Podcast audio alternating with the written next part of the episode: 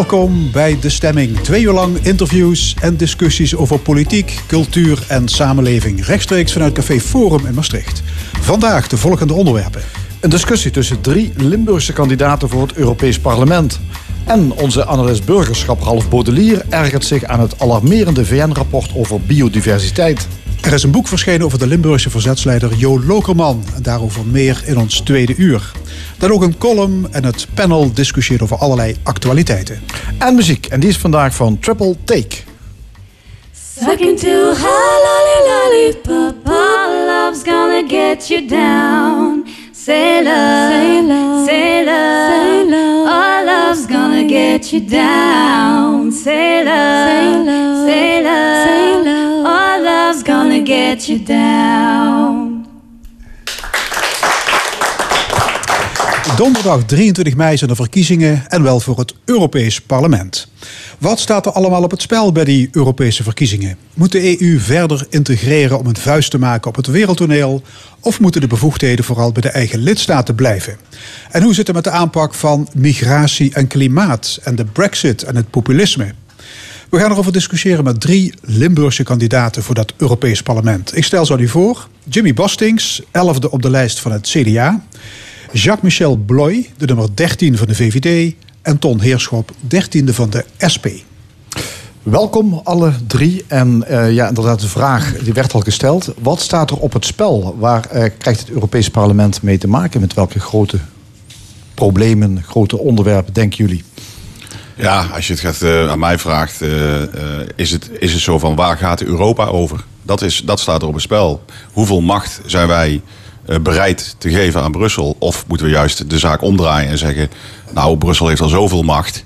Misschien moet het wat minder. En laten we maar vooral eens kijken wat we dan zelf in onze eigen lidstaten kunnen doen. Dat is voor de SP een voor de SP belangrijk, een belangrijk onderwerp. punt. Wij zeggen eh, Europese samenwerking zeker. Want zonder samenwerking in Europa eh, komen we nergens. Het heeft veel gebracht.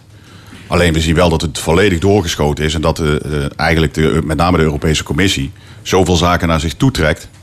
Dat we zeggen dat kan het tandje minder. En dan moeten echt de lidstaten moeten gewoon hun eh, eigen soevereiniteit wel eh, blijven behouden. En, kunnen, en, en daar ook echt beslu- besluiten kunnen nemen waar zij over willen gaan. Ja, meneer Bloy, de VVD, wat, wat staat er volgens jullie op het spel? Nou, eh, je moet gewoon echt als Europese Unie kijken van... ehm, waar kan ik eigenlijk een vuist maken dan, wat u al zegt, in eh, de wereld? Eh, waar gaat Europa ook al over? Eh, ja, douanebeleid doen we samen. Moeten we ook vooral samen blijven doen. Moeten we niet als Nederland meer gaan doen, alleen gaan doen. Ehm, de interne markt, ja, dat we die ook echt meer, nog meer integreren. Zeker hier bij ons in de grensregio, ja, is dat toch een thema. Is die, is die interne markt er dan niet al lang? er is, die is er al lang, ja, maar nog niet zo intern of zo geïntegreerd zoals die zou moeten en zou kunnen. Wat zou je nog willen veranderen dan? Is dat Nou, vraag? een ondernemer hier in Maastricht om zaken te doen in, La in Lanaken. Ik bedoel, je doet makkelijker eh, zaken met een eh, klant in Groningen dan in Lanaken. Eh, eh, en hè. concreet, waar loopt die tegenaan? Nou, je loopt er tegenaan. Een voorbeeld, ik heb in eh, Schinveld eh, bij een bedrijf gewerkt. En eh, die wilde graag zaken doen in Aken. Nou, het was uiteindelijk uit frustratie van de directeur dat hij, maar, dat hij gezegd heeft van ja, weet je, laat ook maar. Ik blijf wel gewoon in Nederland. Want die romslomp, die, echt die bureaucratische romslomp, met een aanvraag bij de IHK. kosten die je moet maken voor vergunningen. Je moet kijken van. ehm, sorry. Moet kijken van ja, ehm, kan ik als bedrijf überhaupt onder de Nederlandse wetgeving of onder die Duitse wetgeving gewoon. Dus, dus Aan de meer, bak. nog meer eh, interne markt. er wat- geen nou. concreet voorbeeld. Maar ik was, nog, oh, ik was nog even bezig. Ehm, en daarnaast, eh, ja, grote thema's die de komende vijf jaar gaan spelen, die nu al spelen, is de energietransitie, klimaat, eh, veiligheid en migratie. Ja. Wat is er eh, voor het CDA? Wat staat er voor het CDA op het spel, Jimmy Bastings? Nou, ik- het is wel weer duidelijk dat als je zoete broodjes wil, dat je bij de SP wil. Maar als je klare taal, als bij de SP moet zijn, maar als je klare taal wil, eh, wil horen, dan moet je bij ons zijn. Eh, als je kijkt naar bijvoorbeeld, leg- kijk naar leg uit, bijvoorbeeld leg uit, kom. als je bijvoorbeeld al kijkt naar wat, eh, wat Hoekstra van de week in Duitsland zei. Je moet gewoon. Ja, minister voor wat van Financiën? Precies. CDA. je moet voor wat betreft de Europese samenwerking inderdaad erkennen wat belangrijk is en beschermen wat van waarde is. Maar het mag inderdaad, en verrek, daar vinden we de SP dan toch een beetje, soms wel eens een tandje minder. Moeten we wat minder gedetailleerde wet en regelgeving vanuit Europa doen, maar meer wet en regelgeving, of in ieder geval afspraken tussen landen op een niveau dat je het echt kunt uitvoeren. Neem nou die klimaattransitie. Wij zijn hier nou, jonge, al- jonge mensen, of in ieder geval jong van geest, hier om deze tafel. Wij zijn de eerste generatie die die klimaatverandering meemaakt. We zijn ook de laatste generatie die er nog echt iets concreets aan kan doen. En in Polen moet je dat op een hele andere manier aanpakken dan in Nederland. Ik denk dat we het daar allemaal over eens zijn. Maar dan moet je wel als heel Europa aan vuist maken. Dan moet je doen in je Europese begroting. Dan moet je doen in je Europees beleid. En dan moet je doen in het helpen van regio's die daar wat minder snel mee zijn. En dat is nou iets typisch waar Europa iets kan doen wetgeving maken die ook nog kan uitvoeren op lokaal en regionaal niveau. Zodat Limburg en Maastricht en al die andere gemeentes er ook iets mee kunnen. Maar niet in de weg gaan zitten als landen een stapje harder willen lopen. Ja, Ton Heerschop, SP. Nou ja, kijk, eh, samenwerking heb ik net al gezegd. Samenwerking in Europa prima. Alleen het is wel zo van wat ga je dan inhoudelijk uitvoeren? We zien, Ja, we wat, zien wat, dat. wat wel en wat niet dan volgens de SP? Nou ja, wat, wat, wat bijvoorbeeld niet, wat je niet moet willen, hè, we zullen het er straks nog wel over hebben, is een Europees leger. Dan zeggen wij van het kan niet zo zijn dat Europa straks Brussel of Berlijn of Parijs gaat besluiten waar Nederlandse mannen en vrouwen ingezet worden tijdens vredesmissies. Ja, maar wat Daar moet de nationale parlement over gaan. Ja, maar een voorbeeld wat hier genoemd werd was de energietransitie, klimaatbeleid. Zeker, als je k- klimaatbeleid ziet, dan zou je, zou je zeker afspraken in Europa moeten maken. Maar dan is het ook weer, hoe, hoe ga je het uitvoeren? En daar zie je Brussel wel eens volledig doorschieten, omdat ook regio's niet, gewoon niet mee kunnen. Ga kijken hoeveel kolencentrales er nog in Oost-Europa staan. Dan heb je gewoon een dik probleem. Er zal veel geld naartoe moeten. Dat is dan wel de consequentie die daarbij aan zit. Ja, er wordt een eh, flinke opkomst of eh, er wordt een flink eh, resultaat verwacht van eh, de rechtse anti-EU-partijen. Wat eh, zou dat voor gevolgen kunnen hebben in Europa? Stel dat zou inderdaad een eclatante overwinning worden. Ja, luister, wat veel partijen voorstellen is dat we zitten in feite in Europa in een trein die vrij snel gaat. En eh, als ik dan kijk naar bijvoorbeeld Forum eh, voor Democratie of de PVV, die zeggen ja, we moeten uit Europa treden volledig. Ja, Nexit Ja. staat er op de PVV. Ja, ja eh, dat is, dat is uit de sneltrein springen en vervolgens je nek breken. Dat is wat er dan gebeurt. En dat is, dat is echt eh, ja, le- levensgevaarlijk, wil ik niet zeggen. Maar het is echt een heel groot Ja. risico. Want dan, ga je dus, dan ga je dus die Europese samenwerking volledig ondergraven. Ja, Beloy, eh, eh, ziet u dat ook voor zich? Dat er een grote overwinning komt voor de rechtse partijen die eh, tegen de EU zijn? En wat zou dat voor gevolgen kunnen hebben? Nou, ik zie, ik zie het wel gebeuren dat eh, die club in Europa alleen maar groter wordt. Eh, dat is dan ook een opdracht voor onze partij die hier aan tafel zitten. En ook die niet hier aan tafel zitten. Maar toch eh, het erover eens zijn dat je in Europa echt moet samenwerken. Ehm, ja, dat, het zal in, qua besluitvorming toch denk ik wel iets moeilijker worden dadelijk in eh, Brussel. Ja, ik, eh, ik zie het toch een klein beetje anders. Ik werk er nu drie jaar. Ik loop nu drie jaar rond in Brussel. En we zitten allemaal in een heel groot rechtsblok in het Europees Parlement. Maar ze komen nooit opdagen. Ze komen nooit naar de stemmingen. Ze komen niet naar commissievergaderingen. Ze hebben een hele grote mond in hun persberichten. Maar als er gestemd moet worden, dan zitten ze liever aan de bar. Maar Echt, de, de, de, de PVV, de PVV heeft de afgelopen tien jaar niks bereikt in het Europees Parlement. Helemaal niks. Ze zitten met vier man in het Europees Parlement. Evenveel als D66. Maar je ziet ze nergens. Ja, als Forum op dezelfde manier doorgaat. Zoals ze nu continu aan het roeptoeteren zijn. En niet komen opdagen bij debatten. Niet komen opdagen bij discussiefora. Ja, dan zie ik het eh, nog best wel hoopvol in voor de rest van Europa. Want dan komt het met die samenwerking wel goed. Nee, kijk, even, even alle gerekken op een stokje. Het zou natuurlijk jammer zijn als die clubs zo meteen een groot deel van onze kiezers gaan vertegenwoordigen. Maar dat is een democratische keuze. Dat mogen de mensen zelf weten. Maar ik geloof wel in een concrete Europese samenwerking. Ja, en als de PVV en Forum eh, zich op dezelfde manier blijven gedragen als de afgelopen tien jaar, dan zullen we er de komende vijf jaar ook heel weinig voor horen. Ja, waarom willen jullie trouwens graag in het Europees Parlement? Wat is jullie persoonlijke drijfveer? Nou, lu- luister, eh, laten we heel realistisch zijn. Ik sta op plek 13. 13, we, hebben, we, Ja. we hebben twee zetels. Dus, Oké, eh, oké, eh, goed. Eh meneer Bloy, u staat ook op nummer 13. Ja, de ik- VVD heeft hoeveel zetels? Eh, drie op dit Oké. moment. Dus ehm, ja, goed, ik sta dan ook op nummer 13. Hoe realistisch is het dan dat je gekozen wordt? Maar ja, je staat je kandidaat.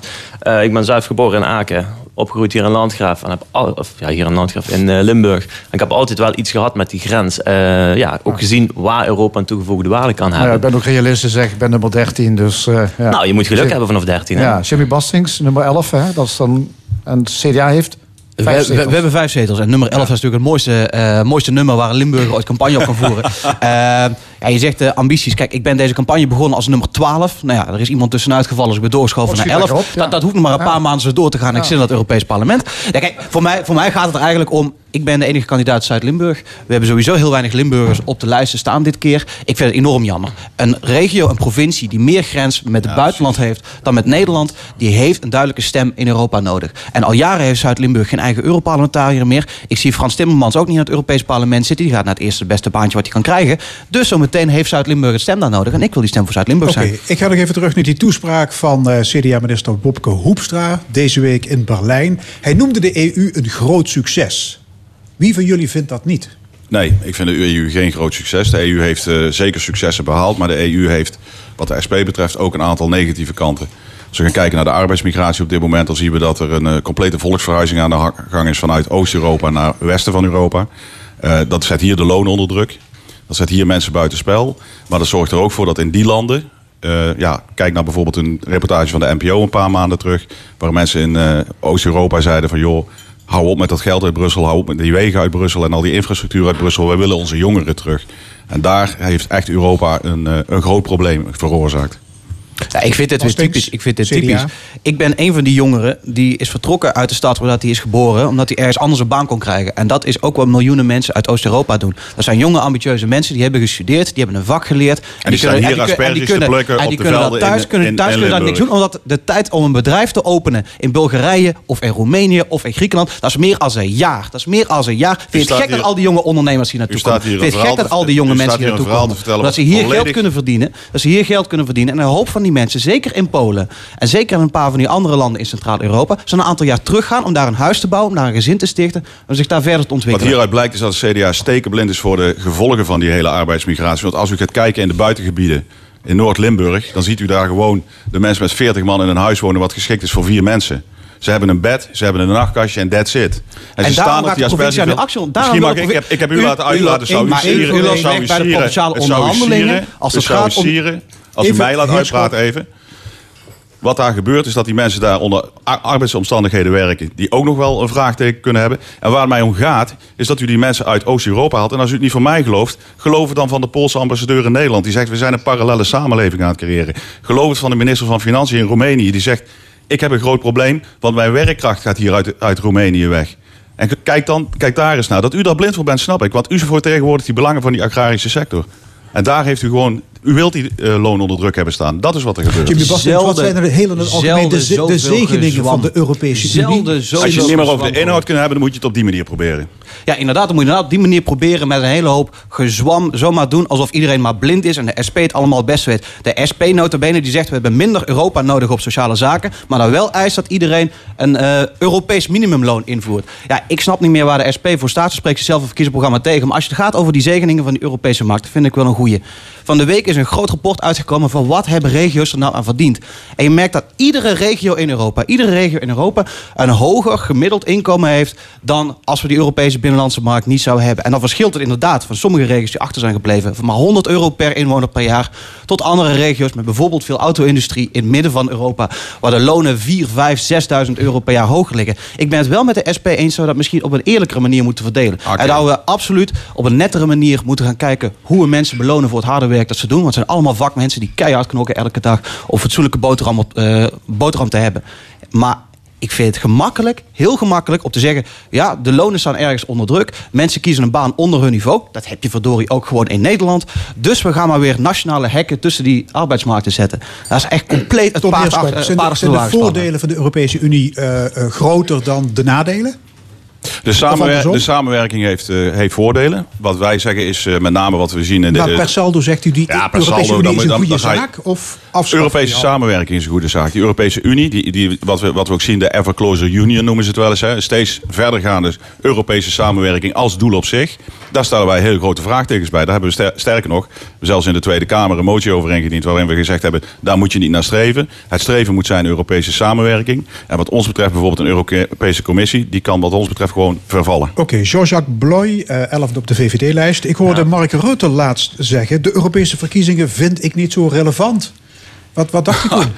Het is trouwens Jacques Michel, nummer 13 van de VVD. Hij is normaal. Ja. Ehm, ja, als je de afgelopen vijf jaar kijkt, ehm, ja, grote Europese thema's, ja, die speelden ook niet echt in dat Europees parlement. Neem die migratiecrisis. Nou, nou, nou, Eh, ja, sorry, maar dat was toch de raad en eh, de raad van eh staats- en regeringsleiders die daar zeg maar, het initiatief naar zich toe trok. Ja, in die trant snap ik wel dat eh, Rutte zegt van ja, ik vind dat Europees parlement niet zo belangrijk. Wat je wel ziet, dat hij vorig jaar een draai maakte. En, zij, en ook gewoon toegaf van ja, toen ik begon als premier, vond ik Europa. Ja, het was Nou ja, het gekke is dat hij zich in eigen land altijd eurosceptisch uitlaat. En eh, internationaal afficheert hij zich meestal als Europeaan. Maar ze, ze Zit er iets dubbel, ja. dubbels in zijn houding? Ik weet niet of het iets dubbels is. Maar hij, ja, hij vertegenwoordigt een beetje... Ja, het is gewoon... Ja, het is gewoon schandalig wat hij gezegd heeft. Het is gewoon puur schandalig wat hij gezegd heeft. Europese verkiezingen, gewoon democratische verkiezingen. Mhm. Je staat op 4 en 5 mei sta je te vertellen hoe belangrijk de democratie is. En de eerste beste verkiezingen die er zijn, zei je, oh, ze zijn niet zo belangrijk. Waar sta je dan voor? Nou, hij staat voor Europese samenwerking naast de VVD voor Europese samenwerking staat. En ja, hij heeft gewoon... Nee, hij zegt, hij zegt de verkiezingen zijn niet belangrijk. Dus gepeupel u mag u uitspreken, maar wij Nou, bepalen wel nou, wat er nou. gebeurt. Dat is een beetje zijn houding. Nou, dat is een beetje gepeupel zou ik het niet noemen. hoor. Het is De SP heeft trouwens enige opschudding veroorzaakt met dat verkiezingsfilmpje hè, over ene Hans Brusselmans. Ja, de kritiek is niet van de lucht, niet humoristisch, ordinair. De premier noemt het bagger. Wa- Wat vind jij van dat spotje?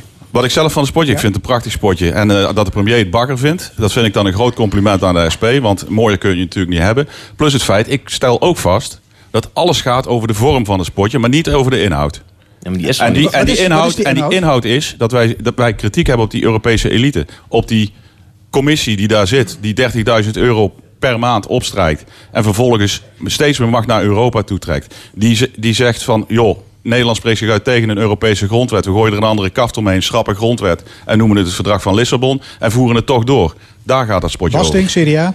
Ik denk oprecht dat ze zich bij het PvdA-campagneteam in hun handjes hebben geknepen toen ze dat filmpje zagen. Ze kunnen geen betere promotie krijgen dan hun zogenaamde linkse bondgenoot, die in het Europees Parlement keer op keer met de PvdA meestaat, die nu, zich nu tegen de schenen begint te trappen. Echt waar, joh. Als ik campagneleider voor de PvdA was geweest, ik vond het geweldig gevonden. openen op een andere progressieve partij. Is dat Nee, het is handig? geen progressieve partij. De PvdA staat in Europa puur voor meer Europa, meer Europa, meer Europa als doel op zich.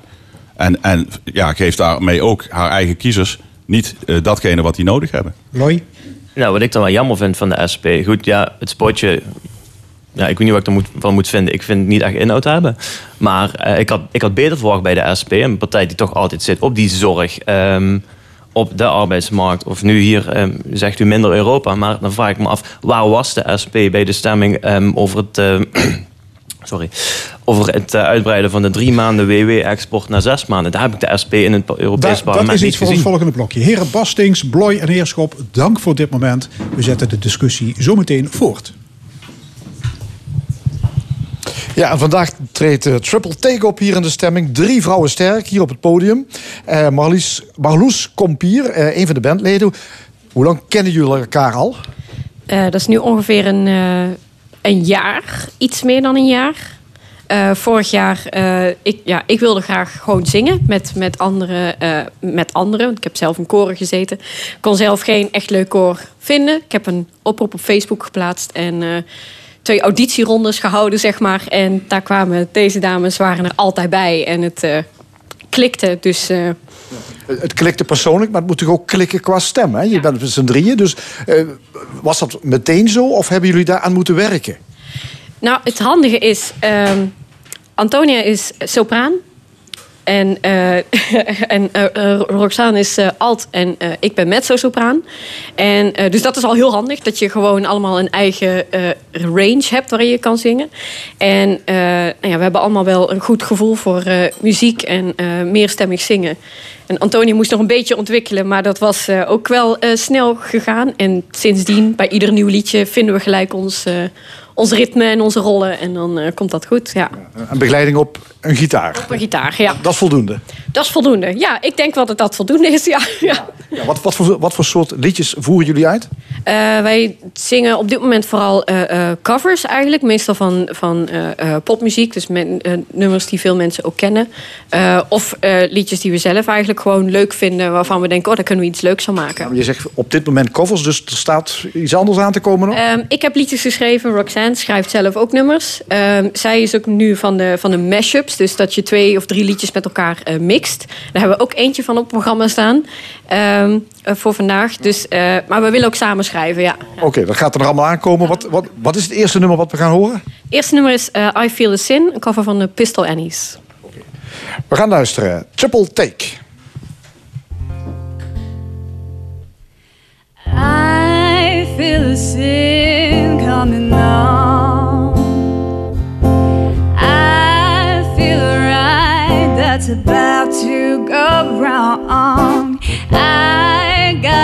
river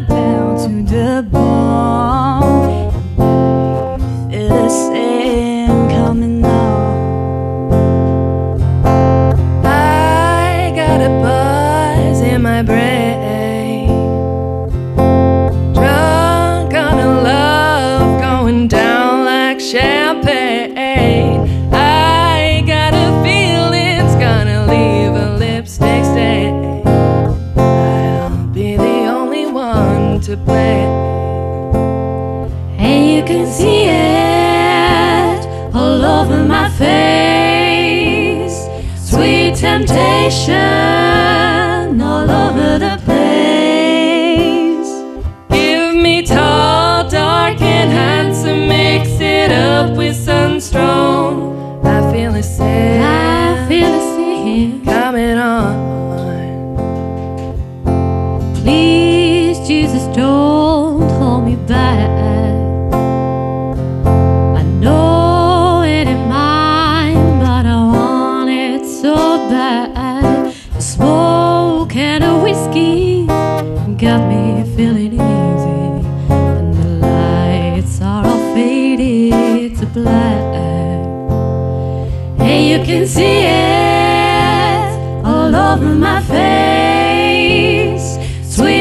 Temptation all over the place. Give me tall, dark, and handsome. Mix it up with sun strong. I feel it sick. I feel it sick coming on. Hey, you can see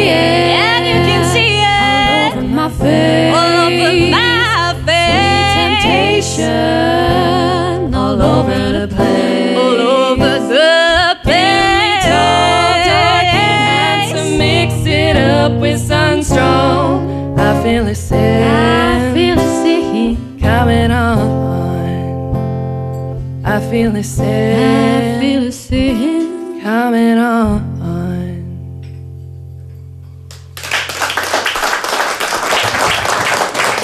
Het trio Triple Take met I Feel a Sin van de Pistol Annies. U luistert naar L1, meer speciaal naar de stemming.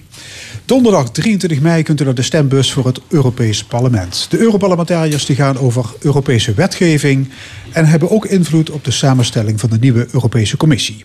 Aan tafel drie Limburgse kandidaten, nogal onverkiesbaar, maar dat mag de pret niet drukken. Jimmy Bostings van het CDA, Jacques-Michel Bloy van de VVD en Ton Heerschop van de SP. Ja, we hadden het zojuist al over arbeidsmigratie. Dat eh, leidt tot eh, behoorlijk wat eh, commotie, ook aan deze tafel, maar ook in de samenleving natuurlijk. Arbeidsmigranten die kunnen op dit moment een uitkering meenemen naar bijvoorbeeld Polen of Roemenië als ze hier gewerkt hebben. Moet dat aan banden gelegd worden, meneer Blooi? Ja, het moet gewoon weer terug naar drie maanden zoals het was. Het was drie maanden, het zou naar zes maanden gaan. Ja. Hè? Dan kun je zes maanden van een WW-uitkering opgebouwd in Nederland... eh, kun je gebruik maken in Polen bijvoorbeeld. Ja, en als je dan kijkt, de berichtgeving zoals het op de NOS een paar weken geleden was, ehm, wat met dat geld gebeurt. En ja, dan kun je af- afvragen van, ja, daar is een WW-uitkering niet voor bedoeld.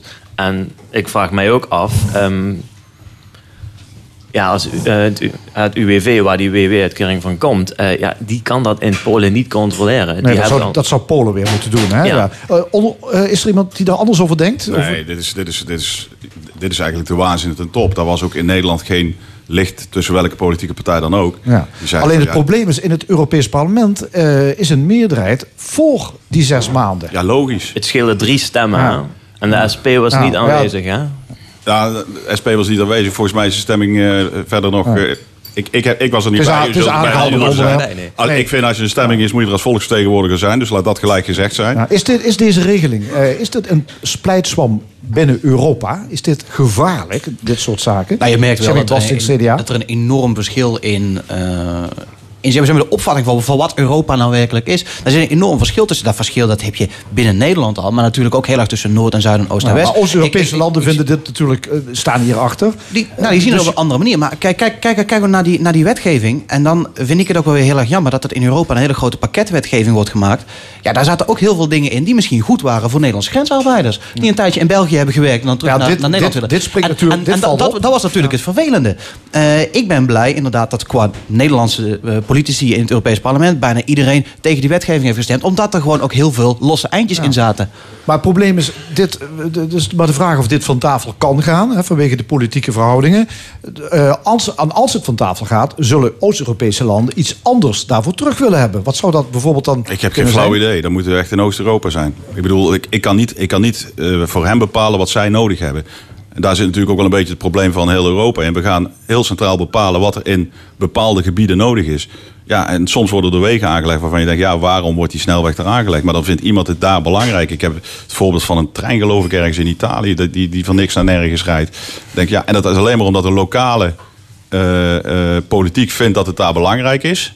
Maar vervolgens zit die trein liggen en hebben ze wel met Europees geld aangelegd. Dus ik vind het ook wel een beetje tricky om dat eh, allemaal te gaan...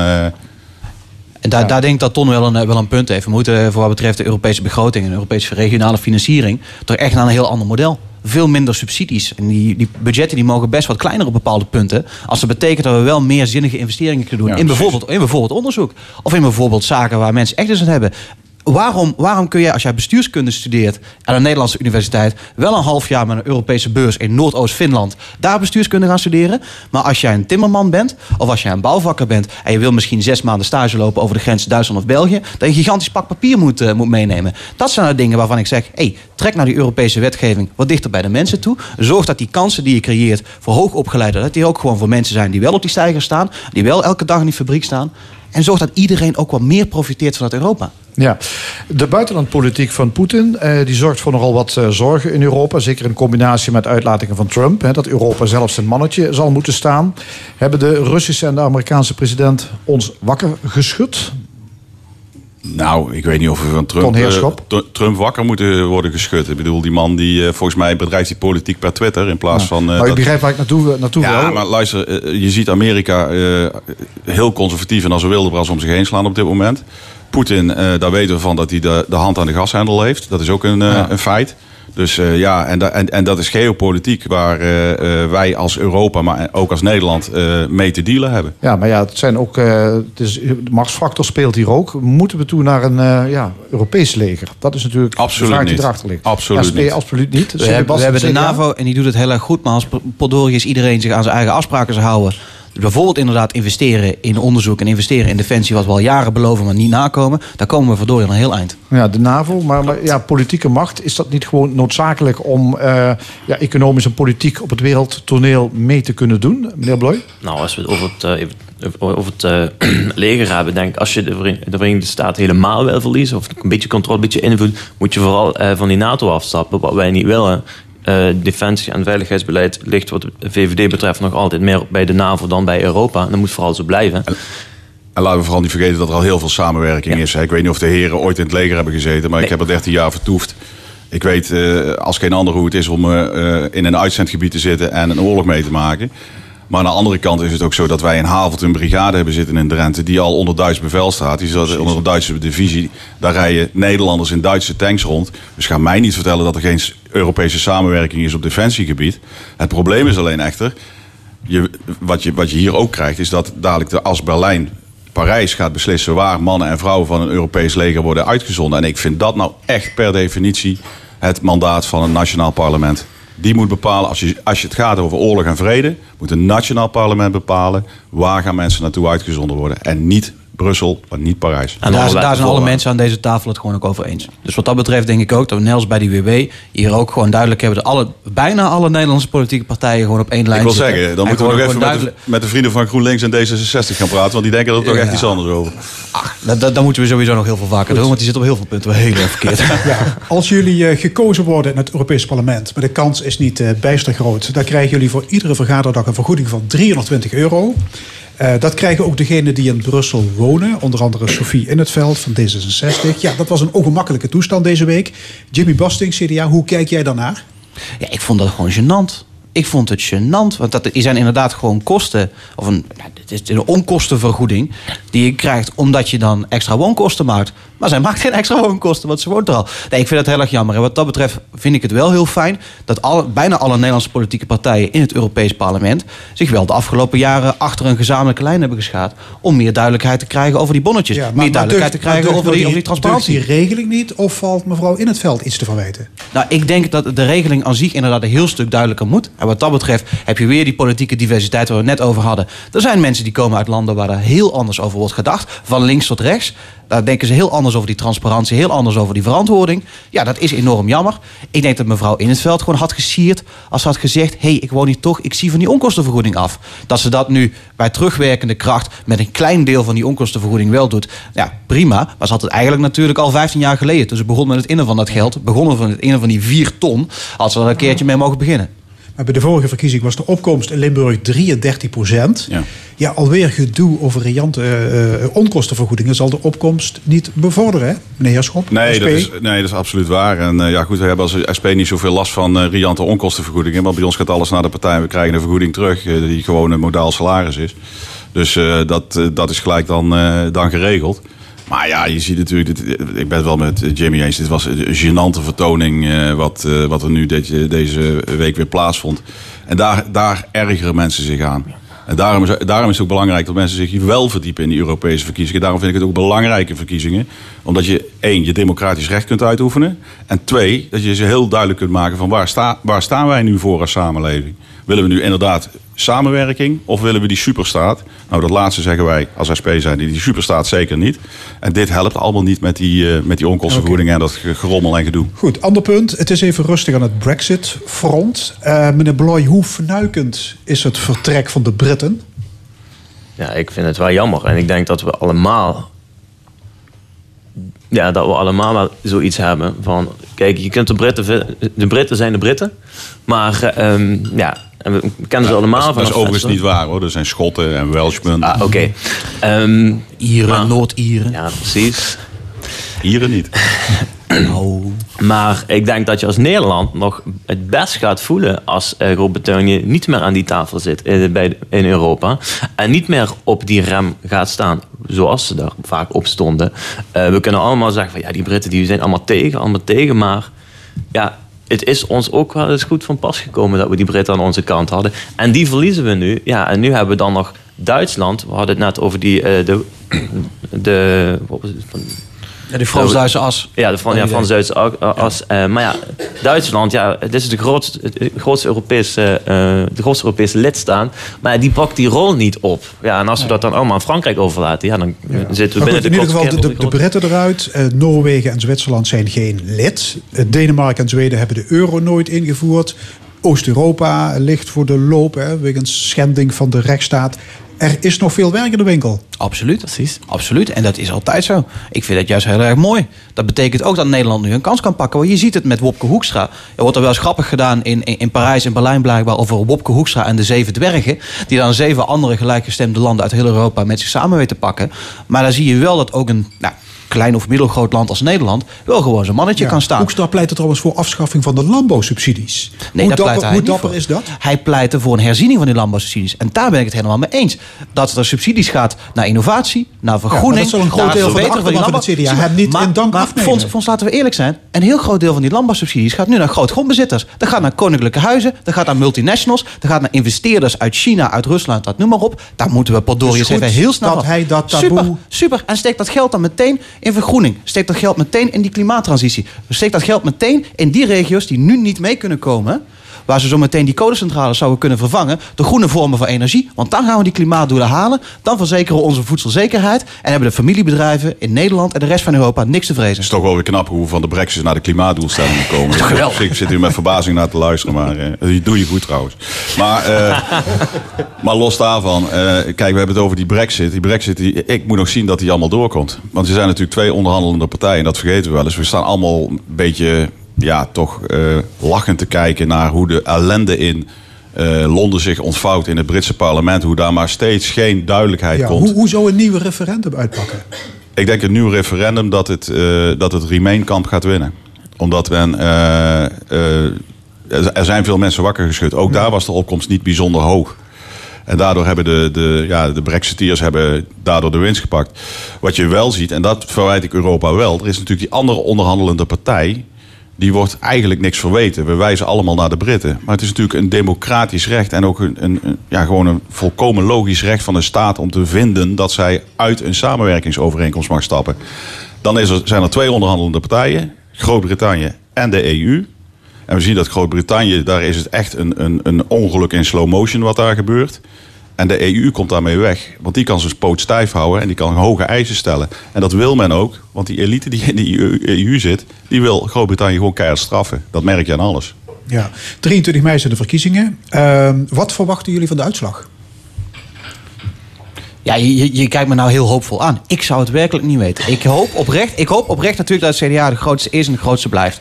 En ik hoop ook dat er heel veel jonge mensen nou eindelijk eens een keer gaan stemmen. Want dat is wel een ding dat mij steekt. En volgens mij is dat ook weer iets wat ons allemaal hier verbindt aan deze tafel. De vorige keer is nog geen 20% van de jongste kiezers, de mensen die het eerste keer mochten gaan stemmen, is naar die stembus gegaan. Als jij die eerste keer al niet gaat, dan ga je de keren daarna waarschijnlijk ook niet. Ik vind dat enorm jammer. Want het is net wat Ton hier al zei. We staan op 5 mei met z'n allen te roepen hoe belangrijk die verkiezingen zijn. Hoe belangrijk die vrijheden van ons allemaal zijn. Ja. Maar dan de 23e maken we er geen gebruik van. Ik hoop dus echt dat wij als kandidaten zo meteen ook meer mensen aan die stembus kunnen krijgen. Ja, de twee grootste fracties zijn de EVP en de Socialisten en Democraten. Zal de kiezer een einde maken aan de dominantie van die twee grote blokken? Dat denk ik wel. Ik denk dat dat gaat gebeuren. Ehm, ja, goed, voor mijn eigen partij. Ik hoop dat wij onze twee zetels kunnen behouden. Dat, is, dat laat ik daar gewoon heel eh, realistisch en eerlijk in zijn. Maar ik ben het met Jimmy eens. Die opkomst die is belangrijk. En zeker ook jonge mensen naar die stembus krijgen is belangrijk. Want als we dan toch net over de brexit hebben. Volgens mij lag daar eh, het, De jongeren zijn eh, thuis het probleem. Oké, hartelijk dank. Jimmy Bastings van het CDA, Jacques Michel Bloy van de VVD en Ton Heerschop van de SP. En succes op 23 mei. Dankjewel. Volgende week hier in de stemming het debat tussen Jeroen Leenaars van het CDA en Vera Tax van de PvdA. Respectievelijk de nummers 2 en 5. Het driestemmige zangtrio Triple Take staat klaar voor een volgende optreden met hun bewerking van de hit Stay van Rihanna uit 2013. Hier is Triple Take. All along it was a fever.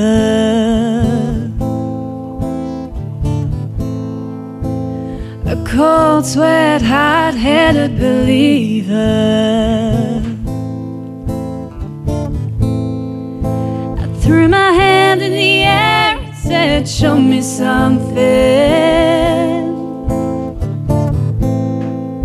He said, if you dare, come a little closer. Round and around and around and around we go. Oh, now tell me now, now, tell me now, you know. But you should have bought me flowers and held my hand. Should have given me all your hours when you had the chance. Take me to every party, cause all I wanted to do was dance.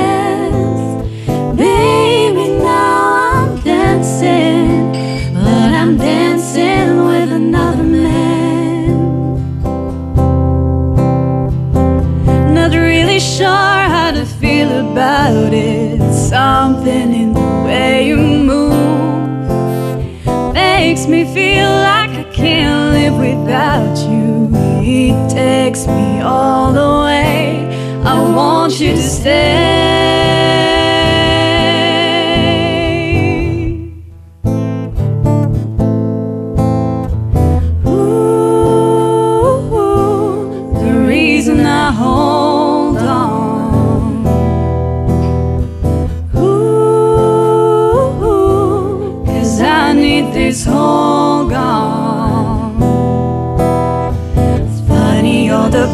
One, but I'm the only one who needed saving. Cause when you never see the light, it's hard to know which one of us is caving. Ooh, he bought me flowers and he holds my hand,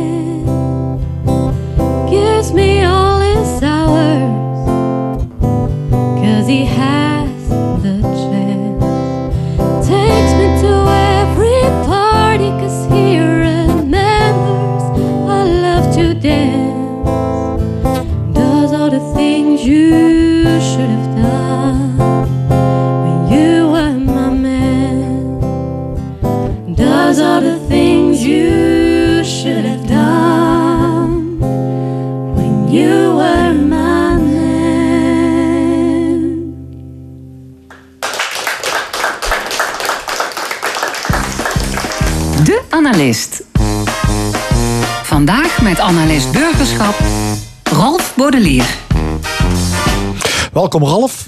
Dankjewel Frank. Ja, het eh, was een eh, verontrustende boodschap van de Verenigde Naties die ons eh, deze week bereikte. Met de conclusie dat ons milieu er dramatisch voor staat. Want we verontreinigen onze omgeving, blijven maar oerwouden kappen. En in de komende decennia zal 1 miljoen van de 8 miljoen soorten op aarde uitsterven.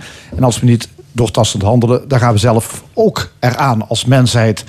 Ehm, dat rapport, daar wilde jij het over hebben. Dus je Mhm. hebt het gelezen, concludeer ik dan heel snel. Maar dat, eh, Nee, het hele rapport Nee. is eh, 1800 pagina's. dat kan- kunnen we zelfs voor jou niet verwachten. In korte tijd. Dankjewel. En, maar dat moet nog verschijnen zelfs. Dat is de loop van dit jaar. En wat verscheen was een samenvatting van 40 pagina's. En dat waren eigenlijk allemaal alleen maar alinea's achter elkaar geknutseld. Die soort samen, samenvatting waren van elk artikel dat in dat rapport staat. Ja, het is, een, dus dat is kregen heel voor negatief. Jij bent een rasoptimist, negatief. zo kennen we jou. Jazeker. Dacht jij niet, eh, ik kan mijn eh, bureautje World's Best News nu al opdoeken? Nou, ik denk het altijd als dit soort berichten komen. Dan moet ik eerlijk zeggen. Hè, dan komt dat tot je en dan lees je dat. eh, gewoon op je telefoon. denk je, mijn hemel, hebben we echt zoveel over het hoofd gezien. Wat je vervolgens doet, wat ik altijd doe, ook hier aan tafel, is dan even terugstappen. En dan kijken wat zijn de vooronderstellingen van dat rapport. Hè, en wat zijn de eh, ideeën op de achtergrond. En wat hebben ze gemeten. En wat is de onderbouwing. Nou ja, dan word je toch weer een heel stuk eh, vrolijker na afloop. Leg het uit. Hoezo? Want, eh, Nou, dat heeft op de eerste plaats te maken met, als je dat rapport doorleest, of althans die samenvatting, dan zie je dat het heel zwaar ideologisch is ingestoken. Zo zegt het rapport bijvoorbeeld dat 75% van al onze natuur op dit moment zeer zwaar is aangetast. Zo niet verwoest.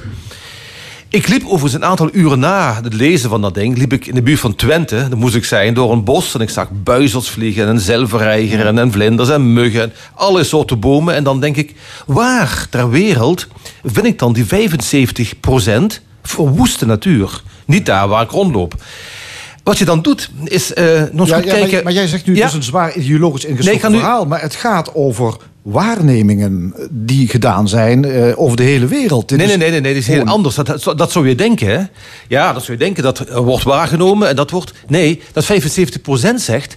alles wat de mens ooit met zijn vingers heeft aangezeten... De, bijvoorbeeld de aanleg of het cultiveren van een bos... dat is verwoeste natuur. Dus alleen dat waar de mens nooit is... Nooit was, eh, ergens op de Zuidpool, een bepaalde punten, in hele Himalaya, in de Gobi-woestijn. Dat is nog natuur. En alles andere is aangetaste of verwoeste natuur. En dat is een ideologisch uitgangspunt. Dus ook als je naar een bos gaat hier in de buurt in eh, Maastricht... met een enorme biodiversiteit... dan is het nog steeds aangetaste natuur. Nou, dat is dus het, het uitgangspunt van dat VN-rapport. En dat laat iets zien van die ideologische eh, blik. En het heeft te maken met een, met, een, met een filosofisch uitgangspunt... uit de tijd van de romantiek. Er was een filosoof, de heer Jean-Jacques Rousseau... en die beweerde bijvoorbeeld... alles is goed zoals uit de hand van de schepper komt... en alles raakt verdorven in de handen van de mens. Dus als we hier al, bijvoorbeeld in Maastricht... of in een buitengebied van Maastricht, ergens een bosje omhakken... we zetten daar bijvoorbeeld een botanische tuin neer... of een museum, of een school... dan is het verlies van de natuur. Dus als wat er voor terugkomt ook... van musea tot cafés, tot onderwijs, tot kantoren, weet ik veel... is allemaal verlies. Ja, dus verlies van natuur. Maar dat is toch ook zo? Als, als ik een gebouw neerzet op een plek waar ooit een bos was... is dat toch verlies van natuur? Nou, daar kun je twee dingen van zeggen. Als ik een, bijvoorbeeld, ik pak een bos waar alleen maar dennenbomen staan, oorspronkelijk. En ik zet daar dan een eh, hele biodiverse tuin voor terug. Een soort vondelpark. Met ik weet niet hoeveel soorten. Dan is het desondanks is het ver- verwoesting Ja. of verlies. En zet er muse- een museum voor terug waar je kunst kunt bekijken. Of een school waar je studeert, is het ook verlies. Nou, daar kun, je, daar kun je mee eens zijn. Maar je kunt ook een heel ander uitgangspunt hebben natuurlijk. Ja. Zoals, maar, ja, ja. Nou, maar nou lees ik toch in die, die samenvatting waar jij het over hebt, daar is Ja. veel over geschreven. Er staat in de achteruitgang van eh, de soortenrijkdom op aarde, die gaat met een snelheid die nooit eerder vertoond is in de geschiedenis van de mensheid. Ja. 8 miljoen soorten zijn er, naar schatting. 1 miljoen die gaan verdwijnen. Ja, precies. Nou, dat zei dezelfde, niet dezelfde club, maar een andere club van de VN ook al eh, 50 jaar geleden. Een van de eerste rapporten. Als je nu kijkt naar het aantal soorten dat verdwenen is, dat is een andere, andere analyse. Daar is een organisatie, ook van VN gelieerd, de IUCN. En die stellen rode lijsten op. Van bedreigde soorten, maar ook soorten die verdwenen zijn. En die hebben tot nu toe berekend dat sinds het jaar 1500, hè, dus 519 jaar geleden, zijn er 784 verdwenen. Niet 784.000, hè? 784. Dus een snelheid van verdwijnen met anderhalve soort per jaar ongeveer. En als je dan kijkt weer naar de details, dan zijn de meeste soorten verdwenen in de 16e en de 17e eeuw. En de afgelopen eeuw, de 20e eeuw, is er in heel Europa, in heel Europa één soort verdwenen. Dat was de Beierse woelmuis. Niet dat ik hem persoonlijk zo gemist heb, maar dat zegt dus wel iets over het tempo waar de soorten daadwerkelijk verdwijnen. Dus, Wat dus- hij dus waar, doelen- waar, waar je kijkt, hè, dit, dit Ja. onderzoek geeft aan dat het met een enorme snelheid gaat. Ja, ik geloof zelfs niet. dat er eh, gedurende deze Ja. uitzending één of twee soorten op aarde verdwijnen. Ja, maar dat klopt niet gezien de, de lijsten van de IUCN. Het grappige is ook, in die samenvatting komt het hele IUCN ook niet voor. Terwijl dat de enige echt gezaghebbende instantie is. Dus er zit iets achter dit rapport hier. Dat deze club waarschijnlijk ontzettend veel verzameld heeft, artikelen. Laten we zeggen dat er zo'n duizend verzameld zijn, van allemaal 18 pagina's. Van nou, de 1800 pagina's. En hebben alleen maar alarmerende verhalen verzameld en die worden eh, samengevat. Terwijl als zo'n club als het IUCN, die echt wereldwijd als de enige echt gezaghebbende club wordt gezien, er niet in wordt opgevoerd, dan zegt dat wat. Ja, ik zag toch deze week eh, allerlei ecologen van allemaal universiteiten op televisie... die allemaal eh, onderschrijven dat het een heel ernstige toestand is... wat betreft Ah. ons Ja, waar, milieu, waar zij ons- waarschijnlijk op wijzen, en wat erachter zit, is dat de populaties, de grootte daarvan, die neemt af. Hè. Had je vroeger een Serengeti misschien Het gaat 100.000. uitsterven. Ja, dat is een ander verhaal. Dat, dat, berekenen zij. Je had een populatie 100 jaar geleden van 100.000 eh, soorten. Die populatie is nu 20.000 soorten. Als het in dat tempo doorgaat, dan sterft die soort uit. Wat ze niet meenemen hier, is dat op het moment dat er een soort op uitsterven staat die wij belangrijk vinden, of het nu de panda is, of de, of de neushoorn, of eh, de, de soepschildpad, of de bultrugwalvis, op dat moment gaan we hem beschermen. En dan groeien die soorten weer. En dat doen we met ontzettend veel soorten. Dat hebben we met de ijsbeer gedaan, met de grizzlybeer, met die bultrugwalvis. En dan zie je ook die soorten weer toenemen. We zitten niet stil. En dat is iets wat ook niet wordt meegenomen. Als wij zo'n ramboodschap horen, dan gaan we niet op onze handen zitten en denken we... oké, dan laten we maar... Nou, als er één soort Dan laat het maar gebeuren. nog eh, Dit is floreert. hond. Ja. Precies. Ja. Vind jij het niet... ehm, eh, Vind jij het niet alarmerend dat gesteld wordt dat ook ons eigen voortbestaan als mensheid in gevaar komt? Ja. Het is ook zo'n fascinerend ding hier in dit eh, rapport. Hè? Van als er dus die, die soorten. Stel dat ze afsterven, dan gaan wij eraan. Hè? We vinden ook dit hier. Die boodschap wordt dus elke tien jaar ongeveer door een VN gelieerde club. Het is zoals de VN niet. Hè? Dat is een milieuorganisatie die is gelieerd aan de VN. Wordt elke tien jaar wordt die eh, gebracht. En na tien jaar eh, valt dat toch weer mee achteraf. Wat we ook niet meenemen, zijn over die achtergrondinformatie. We zien uit data dat mensen, als je even denkt, hoe moeten mensen dan uitsterven? Dat kan zijn door honger, hè? Dat kan zijn door stormen, eh, hittegolven, overstromingen en ehm, nou, van die, grote apocalyptische ruiters van de klimaatverandering. We zien op al die fronten hier dat aantal mensen dat overlijdt daaraan met 98% in de afgelopen eeuwen is afgenomen. En waarom is dat zo? Niet omdat die stormen er niet zijn, niet omdat die bedreigingen er niet zijn, maar omdat wij ons er steeds beter kunnen tegen bewapenen. Met betere landbouw, betere huizen, beter transport, beter geneesmiddelen, beter onderwijs, noem maar op.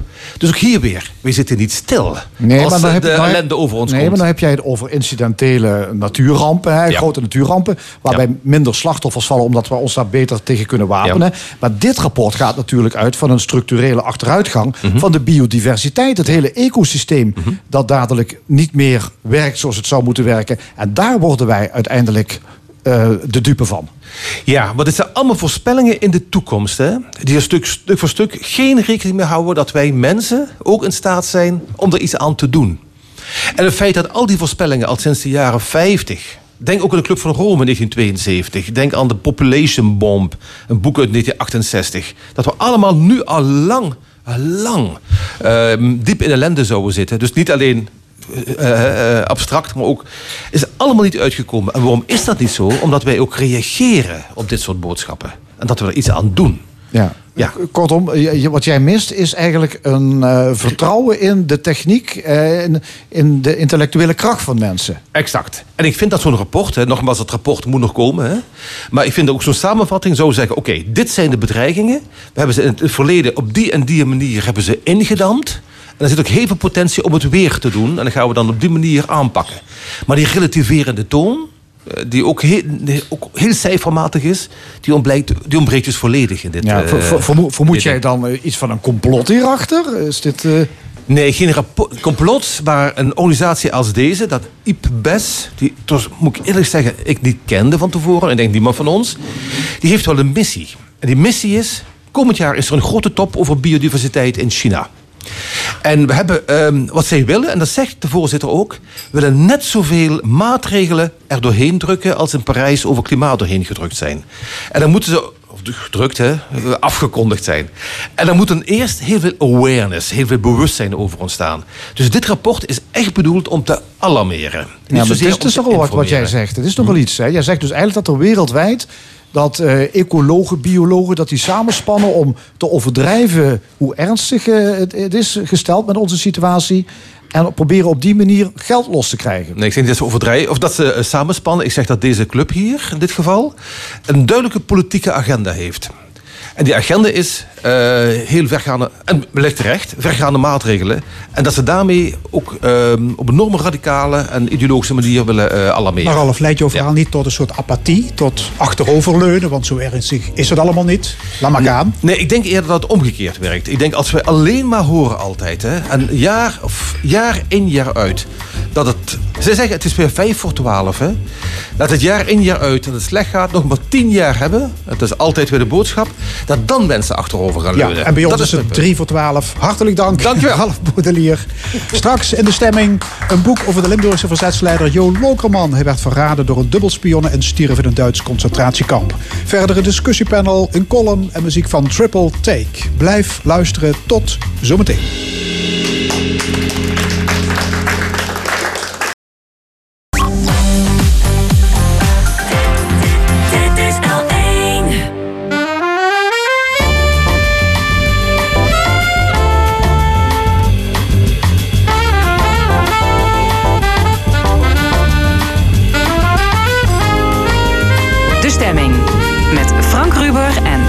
Geraerts. Opnieuw welkom bij De Stemming, het interview- en discussieprogramma van L1 Radio vanuit Café Forum in Maastricht. En wat allemaal nog in de tweede en laatste uur. Rond half 1 discussieert het panel met Terza Hoeben, Cor Bosseman en Loek Hustings over Syriëganger Aisha en andere actuele zaken. Een column van Jos van Wersch, muziek van Triple Take, maar eerst een tragisch oorlogsverhaal. Zo'n 300 Limburgse verzetsmensen hebben hun clandestine werk moeten bekopen met de dood. En een van hen is Jo Lokerman. Deze spoorwegman, socialist en gemeenteraadslid in Maastricht werd door verraad opgepakt. En hij stierf door totale uitputting in een Duits concentratiekamp. Dat verraad werd gepleegd door een spionne, tevens de maîtresse van een leider van de SD, de Sicherheidsdienst. Het verhaal van Jo Lokerman en zijn verzetsgroep is opgetekend door historica en schrijfster Marie-Cecile van Hintem. En zij is onze volgende gast. Mevrouw van Hinten, welkom. Dank u wel. Ja, de Tweede Wereldoorlog is 75 jaar geleden geëindigd. En toch verschijnen er altijd boeken over die oorlog. Is dat een bron die nooit opdroogt? Ja, ik denk het wel. Ik denk dat die bron nooit opdroogt. Ja. Ehm, ik denk wel dat ehm, het type verhalen over de oorlog eh, verandert. Ik denk wel dat we op dit moment in een, in een fase zitten ehm, eh, dat eh, mensen veel behoefte hebben aan persoonlijke verhalen. Ja. Aan, inkleuring, aan jaar. inkleuring van de grote gebeurtenissen. Iedereen kent de grote verhalen onderhand over de oorlog. Maar ik denk dat we intussen in een fase zijn beland dat we ehm, ja, behoefte hebben aan persoonlijke verhalen, inkleuring, verhalen waar mensen zich in kunnen herkennen, verhalen. eh, misschien ook waar, ja, die tot reflectie oproepen. Hè? Hoe heeft het kunnen gebeuren? Wat had ik gedaan in die omstandigheden? Ehm, ik denk dat die stroom verhalen eh, niet zal opdrogen. Nee. U heeft eerder een portret geschreven van Richard Nietzsche, de tweede man, de beruchte tweede man van de Sicherheidsdienst in Maastricht. Hoe kwam u op het spoor van de Maastrichtse verzetsleider Jo Lokerman? Ja, ik had, eh, ik had nog nooit van hem gehoord. Ehm, maar ik kwam eh, ergens in de zomer van 2017 in contact met een kleinzoon van Jo Lokerman. Ehm, en eh, die, dat, dat was via Ad van Liemt. Nou, welbekende naam, denk ik. Ehm, en ik sprak met Jan-Willem Lokeman en hij vertelde mij... eh, dat hij eigenlijk pas sinds het overlijden van zijn vader in 2015 ehm, echt eh, geïntrigeerd eh, was geraakt door het verzetsverhaal van zijn opa. Hij wist wel dat zijn opa in het verzet had gezeten en hij wist de, de, de algemene, ja, hij wist wel wat dingen. Maar hij realiseerde zich eigenlijk pas na het overlijden van zijn vader dat hij daar heel weinig over had gehoord. En dat was eh, in die zin ook wel een bijzonder verhaal. Omdat hij vertelde mij dat dat ook was. Omdat eh, dat verzetsverhaal van zijn opa in, de, mm, in zijn familie gevoelig lag. Omdat zijn moeder de dochter was van een NSB'er. Dus die twee, eh, ja, goed en fout in één familie eh, situatie maakten... dat ook dat verzetsverhaal... Van, Ja, er werd nooit over gesproken. Dat de eigenlijk niet over werd gesproken, ja. En, en zoon Wim heeft aan u gevraagd om een boek te schrijven. Nou, zoon Wim was dus overleden, maar de kleinzoon, Of de kleinzoon, Jan ja. Willem, die had intussen wel eh, een, een, een heel mooi gedenkboek gekregen van zijn tante, tante Mia. Eh, dat had zij gemaakt om, eh, ja, om toch al die feiten die bekend eh, waren eh, over, eh, over haar vader. eens op een rij te zetten voor haar nazaten. Want zij is inmiddels ook over de tachtig. Eh, en dat gedenkboek, dat, ja, dat, dat was voor Jan Willem, mijn, mijn uiteindelijke opdrachtgever, dus wel een, een, ja, echt wel een trigger om zich eh, meer in de geschiedenis van zijn opa te gaan verdiepen. En ja, hij wilde daar, ook wat meer context bij. Hij wilde eens kijken of er misschien nog meer te vinden was over ja, wat had dat verzet nou precies betekend? Wat had hij nou precies gedaan? Eh, wat was zijn rol eh, voor de oorlog? Hij wilde eigenlijk eens een beetje uit laten zoeken. Nou, zit er een soort biografie of op zijn minst een oorlogsverhaal eh, in het verhaal van mijn opa? En dat, ja, dat heb ik vervolgens eh, voor hem, of ben ik dat uit gaan zoeken. Ja, de hoofdpersoon van uw boek is dus Jo Lokerman. Een Ja. goed gebekte Rotterdammer die als leerlingmachinist in Maastricht eh, terechtkomt. Hij trouwt met Agnes Krans. Hij noemt hem een, een spoorman in hart en nieren. Waarom was hij zo verknocht aan het spoor? Nou, ik denk dat hij. eh, kijk, hij, het was een man van eenvoudige komaf. Hè. Zijn vader was een wat oudere timmerman. Hij kende armoede. Het was een, eh, hij, hij kwam uit het centrum van Rotterdam. Eh, dus het was een man met, met weinig mogelijkheden, maar hij had een goed verstand. Eh, en na wat, eh, na wat baantjes hier en daar eh, is hij uiteindelijk op zijn negentiende bij het spoor terechtgekomen. En in die tijd was het spoor eh, een, een werkgever waar je je echt kon opwerken. Eh, en dat heeft hij eh, ook gedaan. Hij heeft alle kansen gegrepen. En ehm, dat, ja, dat maakte hem uiteindelijk denk ik ook tot een spoorman in hart en nieren. Omdat hij, hij zag daar zijn kansen, hij greep zijn kansen. En hij, ehm, ja, hij zag mogelijkheden om zichzelf op te, eh, op te werken. Hij wilde graag iets van het leven maken. En hij komt in het socialistisch vaarwater terecht. hè. Hij wordt lid van de SDAP en van de vakbond, het NVV. Geabonneerd op de VARA-gids. Hij was een echte rooie. Ja, nou, dat is nog niet. Ik heb niet kunnen vinden wanneer dat, dat, dat rode besef eh, bij hem echt eh, toegeslagen heeft. Maar in elk geval, vanaf eh, ongeveer medio jaren 30 dat ze in Heerlen woonde. eh, is hij echt inderdaad op dat socia- socialistische pad terechtgekomen. Eh, en is hij zich echt gaan engageren. Ja, Later nog lid geworden van de Maastrichtse gemeenteraad ja. hè, voor de SDAP. de Ja, dat was, de- dat was in 1939 pas. Hè. Dus hij heeft zich dus ook binnen die... Kijk, in die tijd was dat lid zijn van die SDAP... en van die arbeidersbeweging natuurlijk... eh, naast, hè, naast het spoor was dat voor hem ook eh, een mogelijkheid... Om, om zich te ontwikkelen. Het was een man die... Nou, nogmaals, ik zei het al, hij had een goed verstand. Ja, hij wilde maar zich tegelijk was ontwikkelen. Maastricht een katholiek bolwerk. Ja, ja, nou ja, hij was ook katholiek zelf. Maar, eh, en hij trouwde ook in een heel eh, katholiek eh, milieu. Hè. Zijn, zijn vrouw Agnes was een zeer katholieke katholiek, vrouw. Maar hij had er zelf niet zoveel mee. En ja, hij was, meer, hij was meer een idealist. Hij wilde iets doen voor de maatschappij. Hij wilde iets doen voor anderen. Ehm, en hij, ehm, ja, hij, had een groot rechtvaardigheidsgevoel. Hij wilde, ja, hij wilde eh, het was echt een socialist Ja. van de verheffing. En dan breekt in kunnen 1940 de oorlog uit. Hij kiest Ja. van begin af aan voor het verzet. Dat, Ja. dat, was, daar was geen twijfel over mogelijk. Nee, er was eigenlijk geen twijfel voor hem over mogelijk. Hij zat natuurlijk in, die, in de jaren dertig. eh, al in, in, in die eh, anti-Duitse sferen. Hè. De Sociaaldemocraten waren natuurlijk echt anti-NSB, eh, anti-fascisme. En eh, ja, voor hem was dat, was dat, lag dat eigenlijk eh, voor de hand dat hij meteen in het verzet zou komen. Hij, hij zat natuurlijk vlak voor de oorlog enorm in de lift. Hij was net gekozen in 1939 eh, tot gemeenteraadslid.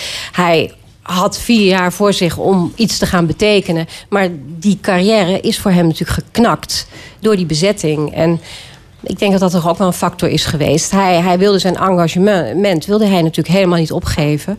Hij was anti-Duits. En dat is hij dus op die manier gaan uitleven. Direct na de bezetting. Ja, maar hij werkte voor de Nederlandse spoorwegen. De Ja. directie van de NS koos voor, ik citeer, loyale samenwerking met de Duitse autoriteiten. Vanwege de belangen van het personeel en het voorbestaan van een vitaal bedrijf. En dat zou zo de hele, bijna de hele oorlog blijven. Hè? Ja. Ja, ja kijk, eh, het was natuurlijk in die eerste oorlogsmaanden sowieso in Nederland natuurlijk zoeken hè, door de autoriteiten en instanties. Ja, wat, gaan, wat gaat er gebeuren? Wat gaan de Duitsers doen? Eh, de Duitsers hadden eh, ja, niet direct een hele onvriendelijke houding naar Nederlanders. En de NS is natuurlijk heel erg gaan nadenken. Ja, wij willen de invloed houden binnen ons bedrijf. Die directie wilde natuurlijk het bedrijf zoveel mogelijk voor Nederland behouden. Eh, en dat is denk ik de basis geweest binnen de spoorwegen om te kiezen voor die loyale samenwerking. Ja. En- maar en die zijn ze vervolgens. en Die dat kon wat moet individuele sabotageactiviteiten plegen, maar niet in georganiseerd Nee, nee, verband. nee, hè? Dat hij- werd meteen van bovenaf de kop ingedrukt. Dat- Ja, nee, want het was, het was natuurlijk een, een heel hiërarchische organisatie. En Lokman, dat moet voor hem echt een, een hele zware dobber geweest zijn... om, om inderdaad in die organisatie te moeten werken. Want zij gingen ja, toch echt, die loyale samenwerking... die mondde toch echt wel uit in, in, in echt eh, het goed doen ook voor de Duitsers. Ja. Lokelman Eh, die begon met de distributie van illegale blaadjes. Maar Ja. zijn acties werden steeds gevaarlijker. U schrijft extreem gevaarlijk. Ja. Waar hield Jo Lokelman zich mee bezig?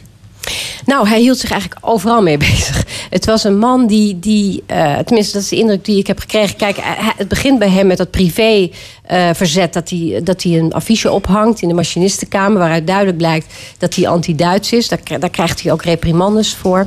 Maar vervolgens begint hij eigenlijk met het verspreiden van eh, illegale lectuur. eh, op, op hele kleine schaal. Hij zoekt Vrij contacten. Het Parool, Nou ja. Vrij Nederland het Parool komt dan iets later. Hij begint eigenlijk met hele simpele dingen. Hij begint eigenlijk met zelfgeschreven pamfletjes. Om, eh, om, om, om net als hij zelf gedaan heeft, het lidmaatschap van de vak- vakbond op te zeggen. Omdat die intussen onder NSB-bestuur was gebracht. Eh, en hij wilde mensen aanzetten om, hè, net als hij ook, zijn lidmaatschap op te zeggen.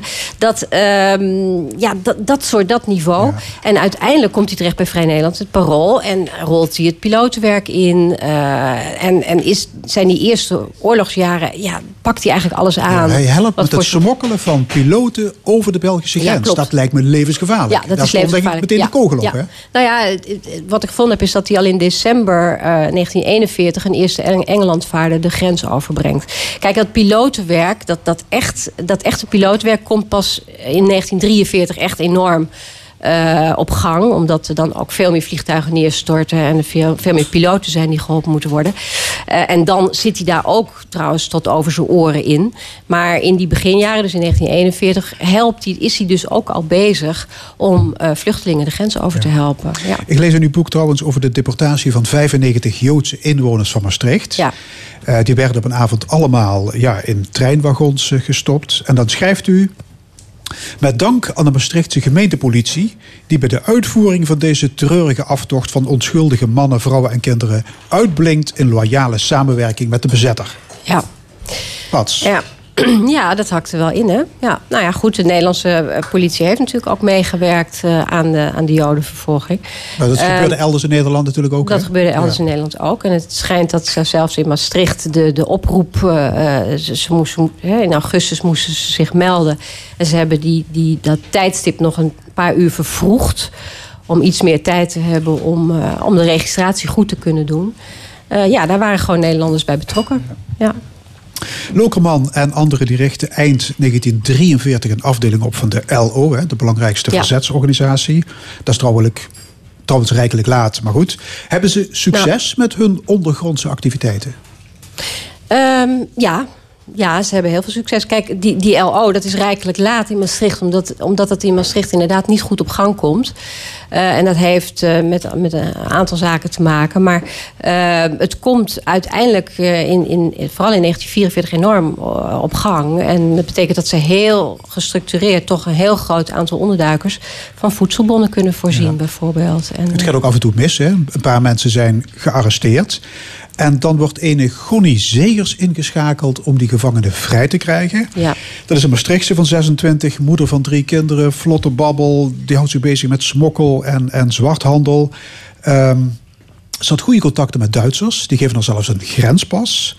En ze hield in haar huis regelmatig feestjes. Ja. Zullen we zeggen erotische parties? Ja, nou ja, tegenwoordig zou je misschien, eh, als je het plat zegt, eh, eh, het hebben over een, een hoerenkast. Maar ik weet niet of dat misschien weer te, eh, te bout gezegd is. Maar in elk geval had eh Gonnie Segers Boeren al een erg slechte reputatie toen Lokeman met haar in, in contact kwam. Hè, ze is in 1942 al opgepakt geweest. omdat zij in haar huis inderdaad dat soort feestjes hield. En ehm, nou, daar, hebben de, daar heeft de politie onderzoek naar gedaan. En daar is ze ook voor bestraft. Ja, ze werd Ehm. veroordeeld door de Duitse Rijkbank tot acht weken gevangenisstraf. Ja, ja. Wegens eh, Ja, ja. ja ze- ze onzedelijke hebben- handelingen Klopt, dat enzovoort. beschrijf ik ook in mijn boek. Zij, zij, wordt, zij wordt opgepakt en zij krijgt straf. En zij komt, eh, maar wel na die straf, komt zij in aanraking met Ja, Max dat is Streubel. interessant. Wat gebeurt Ja. er als ze vrijkomt? Nou, wat er gebeurt... zij komt in contact met Max Streubel. En dat is de, de baas van de eh, SD hier in Maastricht.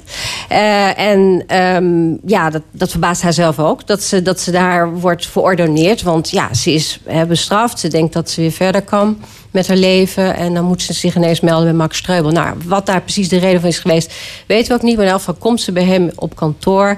eh, en ze krijgen een liefdesrelatie. Eh, en ja, dat geeft haar voordelen, want zij, zij doet van alles op het gebied van zwarte handel. En ja, zij krijgt van hem een grenspas om makkelijk heen en weer te kunnen reizen tussen België en, en Maastricht enzovoort. Ja, maar en dan gebeurt er iets opmerkelijks. Mhm. Het verzet schakelt Gonnie Zegers in voor hulp.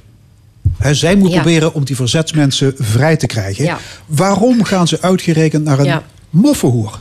Ja, nou ja, dat is, dat is een hele goede vraag. Kijk, er gebeurden in de oorlog natuurlijk allemaal dingen waarvan je nu denkt, ja, hoe hebben ze in godsnaam kunnen doen? Kijk, je moet je goed voorstellen, Lokeman werd geconfronteerd met de situatie dat een aantal hele belangrijke collega's van hem werden opgepakt. En dat was in dit geval Jules Jansen. eh, en nog twee anderen. Eh, en die, ja, dat waren hele belangrijke verzetsmensen. En die moesten vrij. En ze, ja, ze, ze hadden geld eh, om handen. En dat vrijkopen, dat was vaker gebeurd. was overigens, overigens niet een heel effectief middel. Dat wisten ze toen ook al wel. Maar ja, hij heeft daar toch naar gegrepen. En hij is bij haar terechtgekomen. Omdat zij, ja, zij had die contacten bij de SD. En zij heeft Ja. waarschijnlijk ja, toch eh, een soort van vertrouwen weten te wekken. Eh, waardoor hij gedacht heeft, nou ja, we kunnen haar inzetten om die gevangenen vrij te Ja. krijgen. En Duitsland was in 44 aan de verliezende hand. Ja. En ze dachten dat Gonnie na de oorlog wellicht niet met pek en veren wilde worden ingesmeerd. Nee. En dat ze daarom koos voor de kant van de bezetter. Nou, was dat niet een nee, hele denk- naïeve gedachte? Ja, nee, het was inderdaad heel naïef. Maar wat, wat, wat aantoonbaar wel zo was, was dat zij ook mensen vrij had gekregen bij de SD. Zij had eh, toch wel een hele lijst eh, van mensen kon zij ophoesten, die zij ook aantoonbaar vrij had Ja. weten te krijgen. Maar, de Duitsers die hadden natuurlijk ook argwaan. Ja, Die haar zelfs laten zeker. nee, Nietzsche, Nietzsche was helemaal niet gecharmeerd van haar. Hij wist natuurlijk, kende haar ook haar reputatie. eh, reputatie. Zij was de. Eh, zij was de maîtresse van zijn baas. Eh, hij vond haar een heel koket, eh, ja, praat graag type. En hij dacht van ja, ze sturen haar op me af om bij mij de, de- informatie te halen. Nou, ik bedoel, hij, hij vertrouwde haar Ja. zelf ook niet. Maar Hoe is het afgelopen? nou ja, slecht. Het bleek, Argoni heeft dus inderdaad eh, een dubbelrol gespeeld... en heeft, is informatie gaan verzamelen eh, over eh, die verzetsgroep van Lokerman. En uiteindelijk heeft dat geresulteerd in een massa-arrestatie... waar niet alleen Lokerman zelf, maar dus een hele hoop andere verzetsmensen uit Maastricht... het slachtoffer van zijn geworden. En vijf mensen hebben het ook niet overleefd. Ja, Lokerman werd opgepakt, mishandeld ook door die Richard eh, Nietzsche. Overgebracht naar kamp Vught. Ja. Per beestenwagon naar Sachsenhausen, later naar Ja. Neuengamme. Daar heeft hij nog drie maanden geleefd, hè, in dat concentratiekamp Neuengamme. U Ja. schrijft in de meest afschuwelijke omstandigheden. Ja. Ja, nou, Neuengamme was, zoals alle eh, concentratiekampen, eh, een verschrikkelijk kamp. eh, waar, ja, waar de SS-ideologie heerste van ontmenselijking, ontpersoonlijking, mensen uit, eh, ja, uitpersen door ze te laten werken zonder te eten en drinken eh, te geven.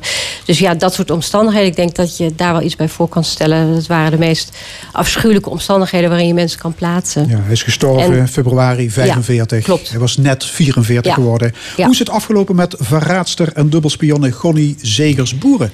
Eh, zij is na de oorlog eh, berecht. Eh, aanvankelijk, zij, zij, zij heeft zich gek genoeg aanvankelijk eerst zelf gemeld bij de Duitsers. Omdat zij wist natuurlijk dat zij bekend was vanwege haar connecties met de Duitsers. Dus ze dacht, ik meld me maar en ik ga dat vertellen. En toen hebben ze haar weer laten gaan. En toen is ze uiteindelijk toch, dankzij Ed van der Noorda, een politieman eh, die haar kende natuurlijk. eh, is zij toch, eh, ja, die heeft ervoor gezorgd dat ze toch weer gearresteerd werd. En zij is berecht. Ze is vervolgens veroordeeld. De doodstraf was geëist. Ze heeft uiteindelijk levenslang gekregen. En Maar die straf is omgezet in 14 jaar. Omdat Ja. ze niet helemaal toerekeningsvatbaar was. Een gebrekkige ontwikkeling Nou, der ja. geestvermogens, zei de zenuwarts. Ja, precies. Nou, aanvankelijk niet hoor. Aanvankelijk kreeg ze echt levenslang.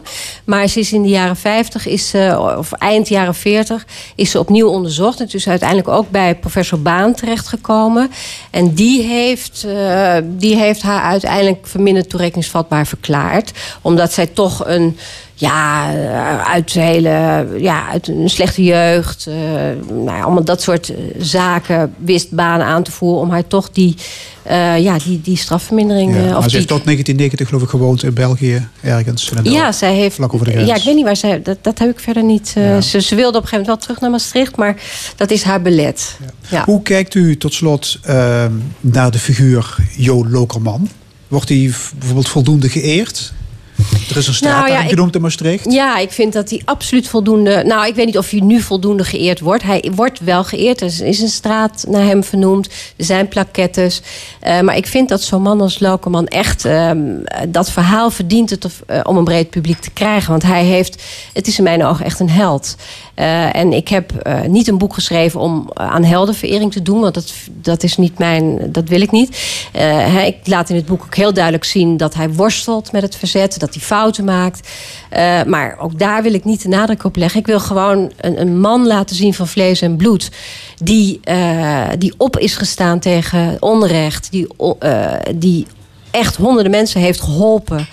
Eh, en daar met zijn eigen leven voor heeft betaald. Dus in mijn ogen is hij echt een held.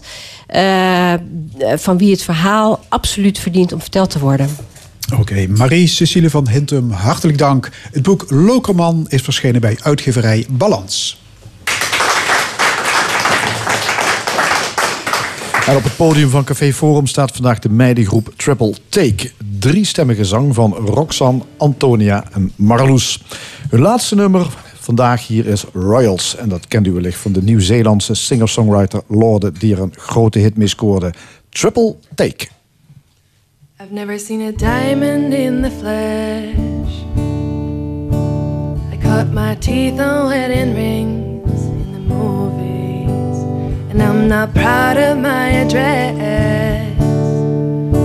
In the torn up town, no postcode envy.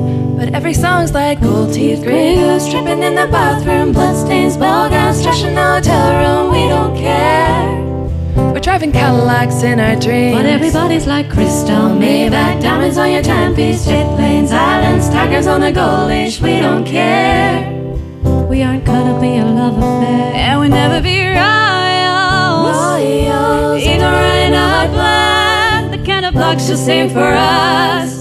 Crave a different kind of buzz. Let me be your ruler. ruler, You can call me Queen Bee. Baby, I'll rule.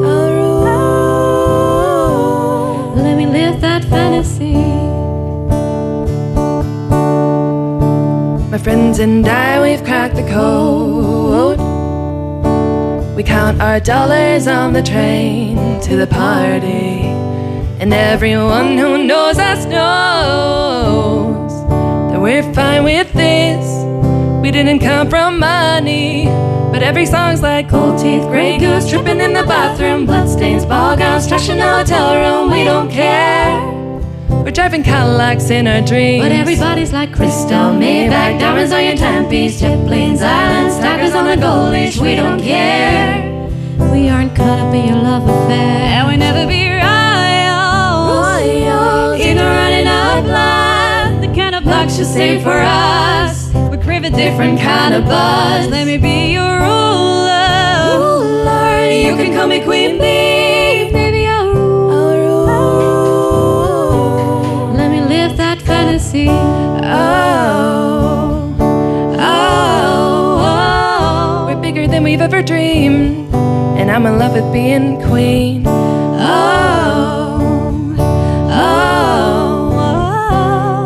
Without a care. We aren't caught up in love affair.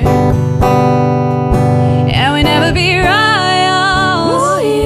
Ignorant and up life. The kind of luck you save for us. We crave a different kind of buzz. Let me be your ruler. Ruler. You can call me Queen Bee.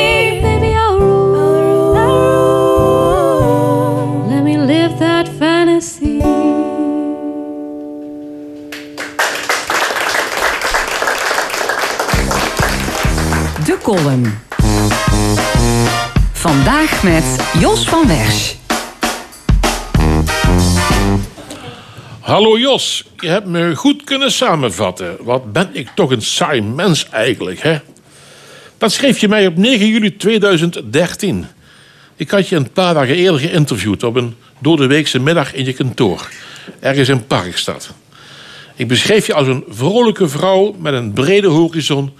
die het heeft over zaken die er in het leven echt toe doen. Iemand die veel eisend is voor zichzelf...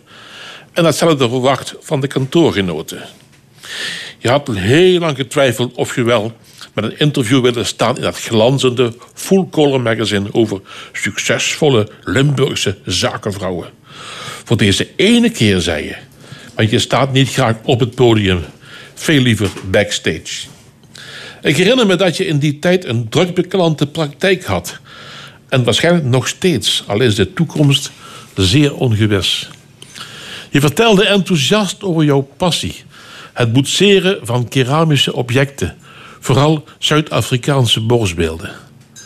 In dat land ben jij vele keren geweest.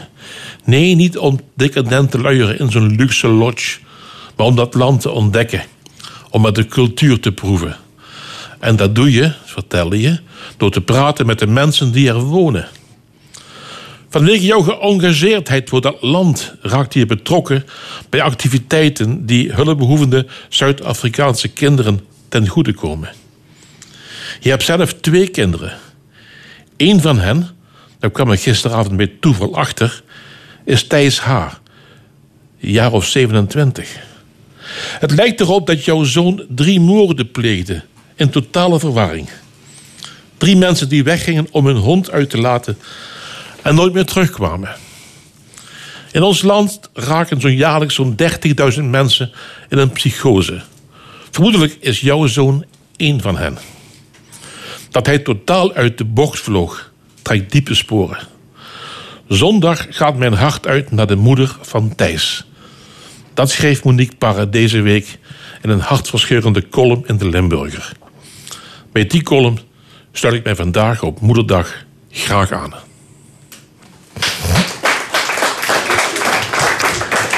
De column van Jos van Wersch. En we gaan verder in de stemming met het discussiepanel. Ik heet van harte welkom aan deze tafel Terza Hoeben, vicevoorzitter van de Rode Vrouwen in de PvdA. Cor Bosman, ondernemer. En Loek Hustings, communicatieadviseur. Ja, de column ging er zojuist ook al over. Hè. Het was ongetwijfeld de meest spraakmakende, meest angstaanjagende, ook treurigste gebeurtenis van deze week. De dood van twee wandelaars op de Brunsumerheide en een vrouw in Den Haag. Verdachte is Brunsumer Thijs H., psychiatrisch patiënt. Hadden deze tragische gebeurtenissen voorkomen kunnen worden? Denk je, denk ik, eh, als je zoiets meekrijgt. Kan iemand daar, ja, iemand daarover nagedacht? Het lijkt me heel moeilijk om ehm, op eh, de afstand die wij tot hem hebben te kunnen beoordelen of dit voorkomen had kunnen worden of niet. Ik eh, stel vast dat hier eigenlijk een ehm, best normaal functionerende student is die over grote intellectuele capaciteiten beschikt. ehm, die over het algemeen goed valt. Maar die krampachtig hulp zocht blijkbaar de laatste maanden. Omdat hij toch blijkbaar zelf tot de conclusie was gekomen dat er iets aan hem mankeerde. En nu weet je, zoals dat in deze merkwaardige verzorgingsstaat zo vaak gaat... hoe vaak moeten mensen niet te vergeefs aankloppen bij een deur... alvorens ze bij die deur een gewillig oor vinden. En het zou me helemaal niet verbazen als het in dit geval bij Thijs H. net zo gegaan is. Het is in ieder geval wat blijkt dat op het moment dat zo iemand in een psychose terechtkomt, dan is dus feitelijk niet meer toerekeningsvatbaar, want daar komt het op neer dat hij tot de meest dwaze en levensgevaarlijke dingen in staat is. Maar dat is gelul achteraf natuurlijk. Ehm, eh, de man heeft blijkbaar van tevoren op deuren geklopt en daar geen gehoor gevonden. En is dus ook niet behandeld. En daarom heeft het zover kunnen gaan. Hadden we dat kunnen voorkomen? I don't know. Ja. Terza Hoebe? Nou ja, laten we allereerst zeggen, dit lijkt mij een van de grootste nachtmerries van elke eh, bestuurder van een zorginstelling als je dit overkomt. En het is op het moment, als ik kijk gewoon de informatie die tot wij tot ons krijgen, is zo minimaal en logisch. Want eh, de, de gegevens eh, en informatie over een patiënt worden maximaal beschermd in dit soort situaties. Is het daarom ook puur speculatief wat hier precies is gebeurd en hoe dingen hebben kunnen gebeuren. En op basis daarvan is het ook natuurlijk heel moeilijk om een discussie te voeren. Tuurlijk stel ik mezelf twee vragen. Met één daarvan, die Luc ook al zegt, hè, van was deze jongen al onder behandeling en eh, hadden ze dit aan kunnen zien komen? En de tweede vraag die ik mezelf wel afstel, of, of afvraag is met name... Ja, hoe heeft hij toch kunnen ontsnappen eh, woensdagochtend? En ik begrijp dat er heel wat los was. Maar dat zijn reële vragen. Het, eh, daar krijgen we nu geen antwoord op. steekpartijen vooraf, Ja. brandalarm ging af. Precies. En hij is, hij is te ontkomen, maar dat was overigens na, Na dat de hij- daden. Na, Na de de daden?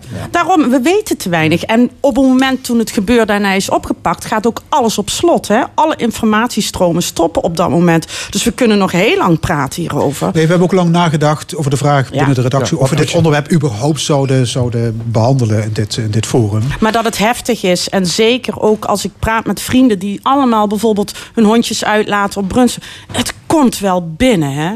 En het, het, het, het is wel een impact. En dat merk ik ook wel. En natuurlijk, ik zie op Facebook hele heftige eh, woordenwisselingen, discussies voorbij gaan. Eh, maar wel gevaarlijke discussies. Want er wordt zoveel non-informatie bijgehaald. We weten dat is best niet. heftig. Precies. En iedereen denkt het te weten. Ja, Cor Bosman. Ja, ik, ik, eh, ik kan daar weinig verder aan toevoegen. Alleen het feit dat, eh, eh, dat er drie gezinnen zijn waar mensen op een eh, gruwelijke manier zijn weggerukt. Eh, dus die vraag, hadden we dit kunnen voorkomen, dat weet ik niet. Als ik heel even terug mag gaan in het verleden. we hebben zeer recent in België Julie van Espen gehad. eh, met een dader Steve B. We hebben in Nederland Anne Faber gehad met een Michael P. En als je daarvan die vraag stelt van had dit voorkomen kunnen worden, daar durf ik volmondig ja op te zeggen. Dat, dat ik daar kan refereren aan een systeem wat op alle fronten gefaald heeft, wat geleid heeft tot de dood van twee onschuldige mensen. En of dat in dit geval is. Daar is mijn kennis en informatie te, te weinig voor. Het enige wat ik kan vaststellen... dat er nu ook drie mensen, drie onschuldige mensen... op een, ja, op een gruwelijke manier vermoord zijn. Waarbij de familieleden, die hebben levenslang. Klopt. Het enige voordeel in deze hele situatie is, en dat is wel een groot verschil met eh, het verhaal rondom Anne Faber. Deze twee situaties zijn wel echt totaal anders. Hè? Maar waar toen dat tijd zij vooral tegenaan liep, justitie was, dat eh volgens de zorg, zorgwet er geen enkele informatie gedeeld mocht worden met justitie. En sinds dit jaar is dat nu wel mogelijk. Dus justitie heeft eindelijk toegang tot de informatie over Thijs H. En dat is wel heel interessant. Ook van kijkende hoe gaat het dus eh, verder. Ja, ik denk dat we het hier maar bij moeten Ja. laten. Ja? Bewoners van eh, de Maastrichtse wijk Ambi hebben verhinderd dat eh Syriëganger Aisha in een buurt komt wonen. Aisha was getrouwd met een IS-strijder en gaat gekleed in een niqab. En omdat ze zich onveilig voelt, heeft Aisha besloten om in een ander huis van de woningcorporatie te gaan wonen. Wat vinden jullie van de handelwijze van de buurt? Cor Bosman? Nou, ik denk dat het een, een, een, een redelijke normale reactie is. Eh, van, de enerzijds, eh, van, van de ene kant onbekend maakt onbemind. Maar ik kan me de reactie van de buurtbewoners kan ik mij wel heel goed voorstellen. Ehm, kijk, die vrouw die heeft van de ene kant heeft zij recht op een woning. Maar ik denk dat de buurtbewoners ook recht hebben op eh, dat er in hun leefomgeving geen aantasting van hetgeen wat zij gewend zijn, dat dat plaatsvindt. Nou, ik denk met, met de komst van deze vrouw dat daar wel, eh, wel degelijk sprake van is. Dus ik vind de reactie vind ik gewoon normaal. Nou, ik zal het zeker geen normale reactie noemen. Wat ik het wel noem is, het is niet raar wat er is gebeurd. Hè? We leven in een samenleving dat we oversteld worden met informatie en kennis en wij vormen daar een beeld bij. En bij Syriëgangers vormen wij natuurlijk een heel heftig beeld.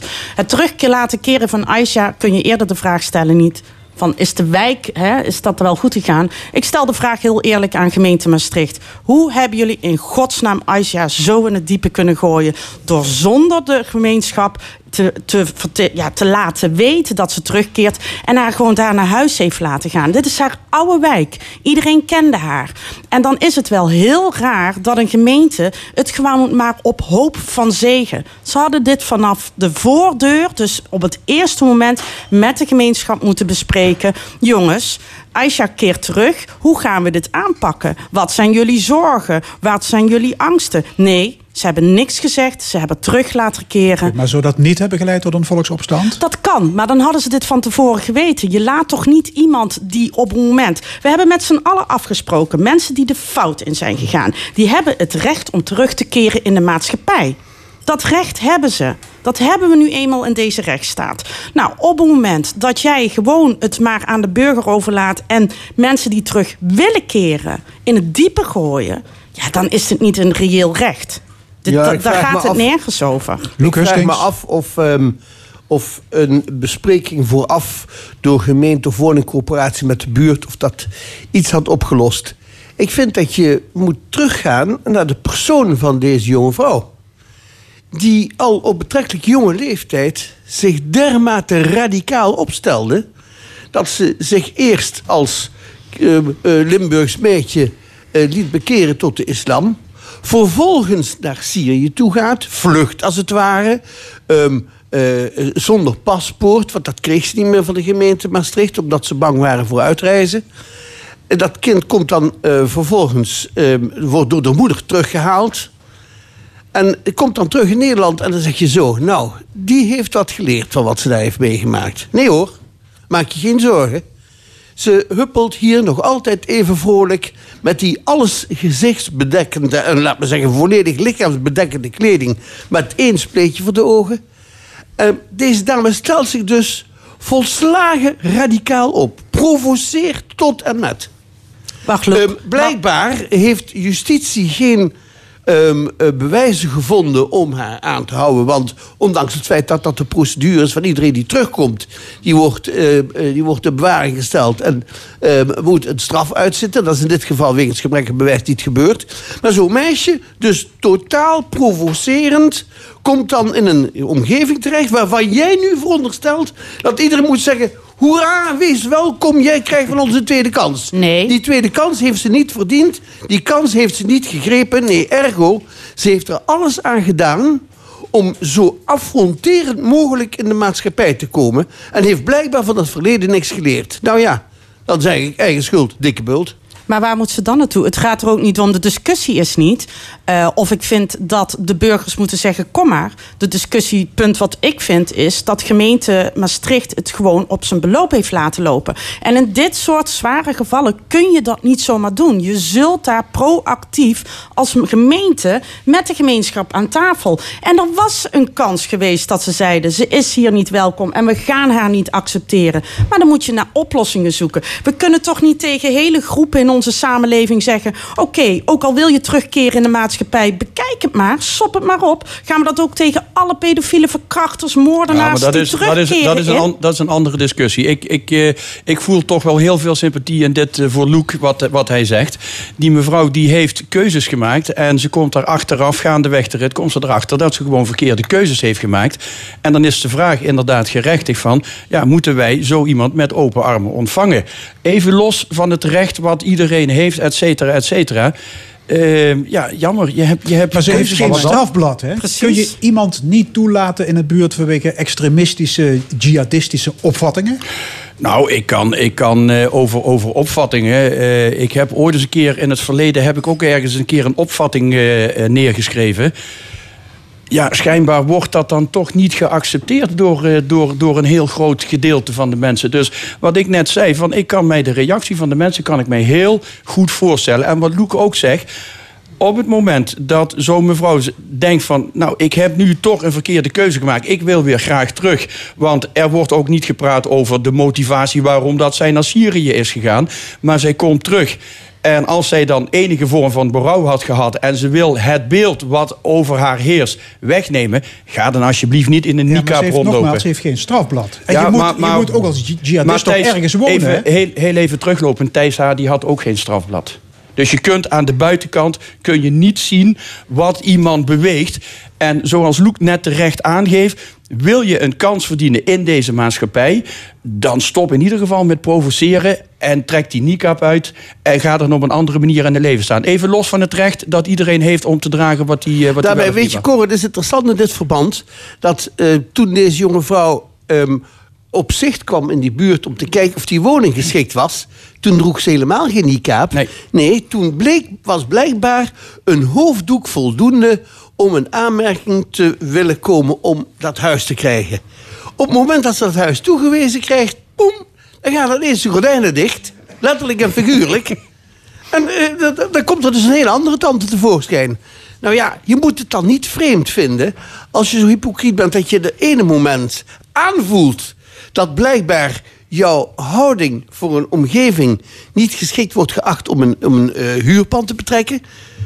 Dat op het moment dat je het krijgt toegewezen, je dan vroef totaal weer terug in de vermomming klopt, kruipt. Waarvan je zelf al dacht, dat is misschien niet zo geschikt hier. Teresa, zou jij Aisha als buurvrouw willen hebben? Ik ken Aisha niet. Ik zou het begon niet weten. Ik vind het een moeilijke discussie. En, eh, en ik snap ook eh, de angsten van mensen. Maar waar ik ook over na zit te denken... is het feit dat we nog 55 Syriëgangers hebben zitten eh, eh, in Syrië. Dat we nog 85 kinderen daar hebben zitten. Dat er een moment gaat komen dat deze groep vrijgelaten worden... omdat er geen geld meer is. En die zullen op eigen houtje terugkeren. Waar ik me zorgen om maak is dat alleen Nederland en Groot-Brittannië... niet bereid zijn om over deze groep na te denken. Geloof me, die blijven daar niet. Die zullen terugkeren. En wat dan? We hebben de situatie Aisha nu. Hè? Niemand... Het, het, Laten we even heel simpel. Een windmolen, not in my backyard. Syriëganger, not in my backyard. We zullen hiermee aan de slag moeten. Dit zijn Nederlanders die terugkeren. Met gruweldaden misschien op een konto. Ja, maar wacht even, ho, ho, ho. Dat zijn diezelfde Nederlanders dus... die er vrijwillig voor kozen om naar een radicaal buitenland te Klopt. gaan. Diezelfde Nederlanders, daar Maar praten we over. besluiten ook weer terug te keren. Ja, En op dan moment- beter te halve gekeerd dan maar als zou je ze zeggen. Ja, toch? wat gaan we dan doen? Laten we het op zijn beloop en zonder enige kennis komen ze terug? Of gaan we nu aan de slag met Syrië en gaan we kijken wat hun werkelijke daden zijn... en zodat we ze kunnen berechten? Want dat is ook het probleem bij Aisha. Wij hebben geen informatie waardoor ze niet berecht kon worden. En dat zul je in de toekomst nog veel vaker krijgen. Precies. Want die informatie allemaal maar toe. van over de zaken die daar gebeurd is... zul je zelden of nooit wettig en overtuigend voor de Nederlandse rechtbank... eh 5000 kilometer verder, weer, Laat, ze- verderop laat die eh, bewezen 85 krijgen. fijn in Syrië zitten. Ja, maar die blijven daar niet. Maar, maar, maar Loek Hustings, Maar jij als- bent, stel je bent directeur van de woningcorporatie. Hoe zou jij dit oplossen? Je kunt toch moeilijk alle moeilijke gevallen bij elkaar plaatsen? Eh, eh, Niemand zit te wachten op een ghetto van, van mensen met afwijkend gedrag. Tuurlijk niet. Maar je, eh, je komt dan terug, dan val je terug in het ambtelijk systeem. Die mensen die kijken naar een papiertje en zeggen... nou, deze mevrouw voldoet aan alles waar je aan moet voldoen... om een aanmerking te komen voor een woning. Wij hebben dus geen reden om aan deze mevrouw een woning te weigeren. Dat is heel iets anders dan dat je vol enthousiasme en volmondig... iemand welkom heet in de buurt. Want kijk, de buurt heeft dat welkom dus ook niet zo bereid. Nee, nee joh, de opmerkingen als de fik gaat in dat huis. We willen geen pinguïns. Maar dat is ja, dat gaat een beetje ver, hè? Maar, eh, maar het is natuurlijk zo dat, dat waar je een reactie oproept, moet je niet verbaasd zijn dat je die reactie krijgt. Als jij je van top tot teen hult in een tent en je meent daarmee. Dan moet je maar eens in een tent gaan wonen, wil je zeggen. Dat lijkt me meer voor de hand liggend. Misschien een Maar gaan we dit nou geweest. ook zo praten over vrouwen die in een uber mini rokje en een tijgerpantietje en, en lippenstiften, waarvan we meteen ook een soort beeldvorming. Ik vind het heftig hoe beledigend er over een bepaald kledingstuk Die, wordt vrouw, gesproken. die vrouwen zoals jij ze benoemt, die krijgen diezelfde reacties. De fik erin. We, we, we gaan. Nou, ik, Nee, nee, ik ben dat, een nee, nee, dan, nee, dat dan, op basis nee, dan gaat van niet de fik erin, maar dan moet, dan moet er wat anders in. Nee, maar, Ja, die opmerkingen die krijg je dan ook te horen. Dus, dus maar de die zijn opmerking... toch super beledigend. Maar het gaat. Da, daar gaat deze discussie helemaal Precies, niet om. daar gaat nee, de deze discussie niet om. Deze discussie gaat erom of wij, eh, in dit geval een buurt in Maastricht, of dat die bereid is om een Syriëganger terug te nemen. Waarvan die buurt niet weet wat die mevrouw op haar konto heeft, wat haar beweegt.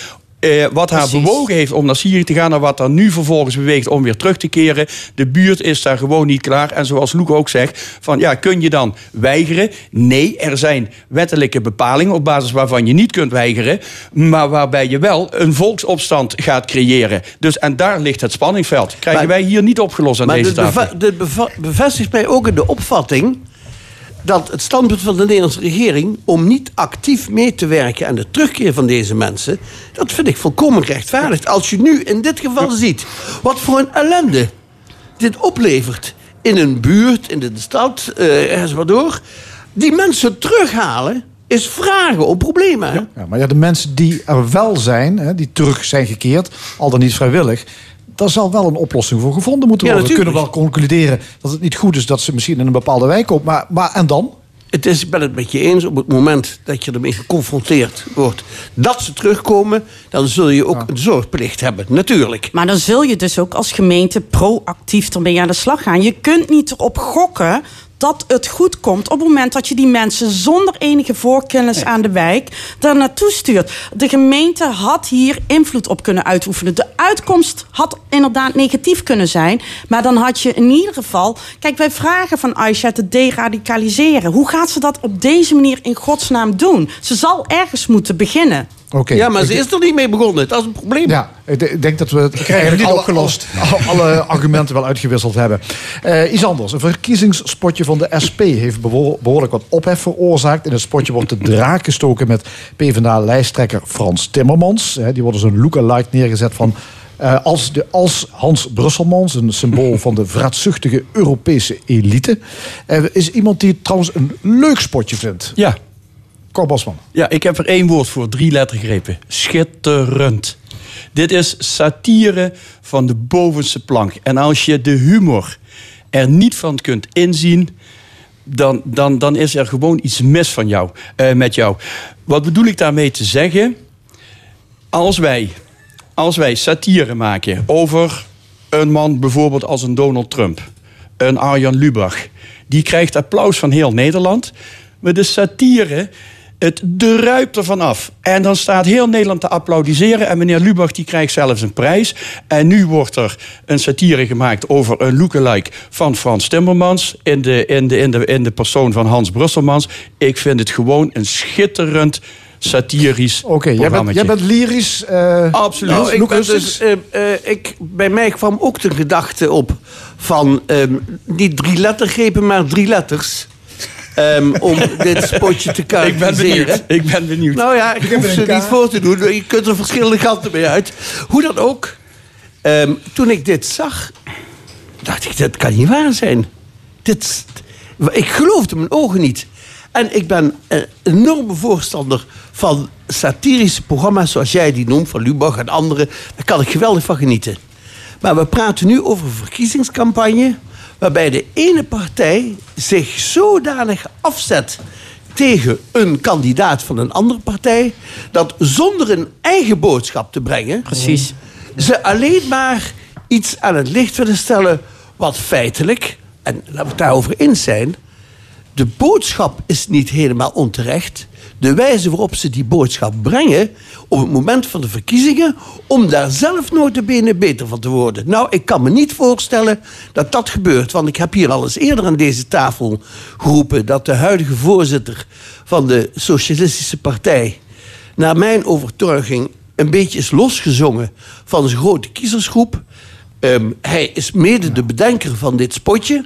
En ook nu blijkt weer dat een hele hoop van de eigen achterban...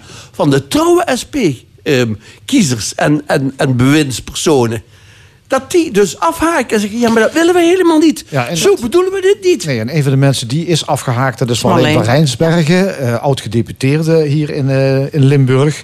Eh, snap je dat, eh Ja. Ter Zoebe? Jij, jij als PvdA? Nou ja, kijk, ik Ja, heb nou, nauw hè? samengewerkt met eh, Marleen. En ik heb ook gezien hoe de SP zich profileert, zowel in de Staten, maar ook landelijk. En wat, ja, ik, ik heb ook drie letterwoorden woorden hier voor deze spot. En dat is smakeloos.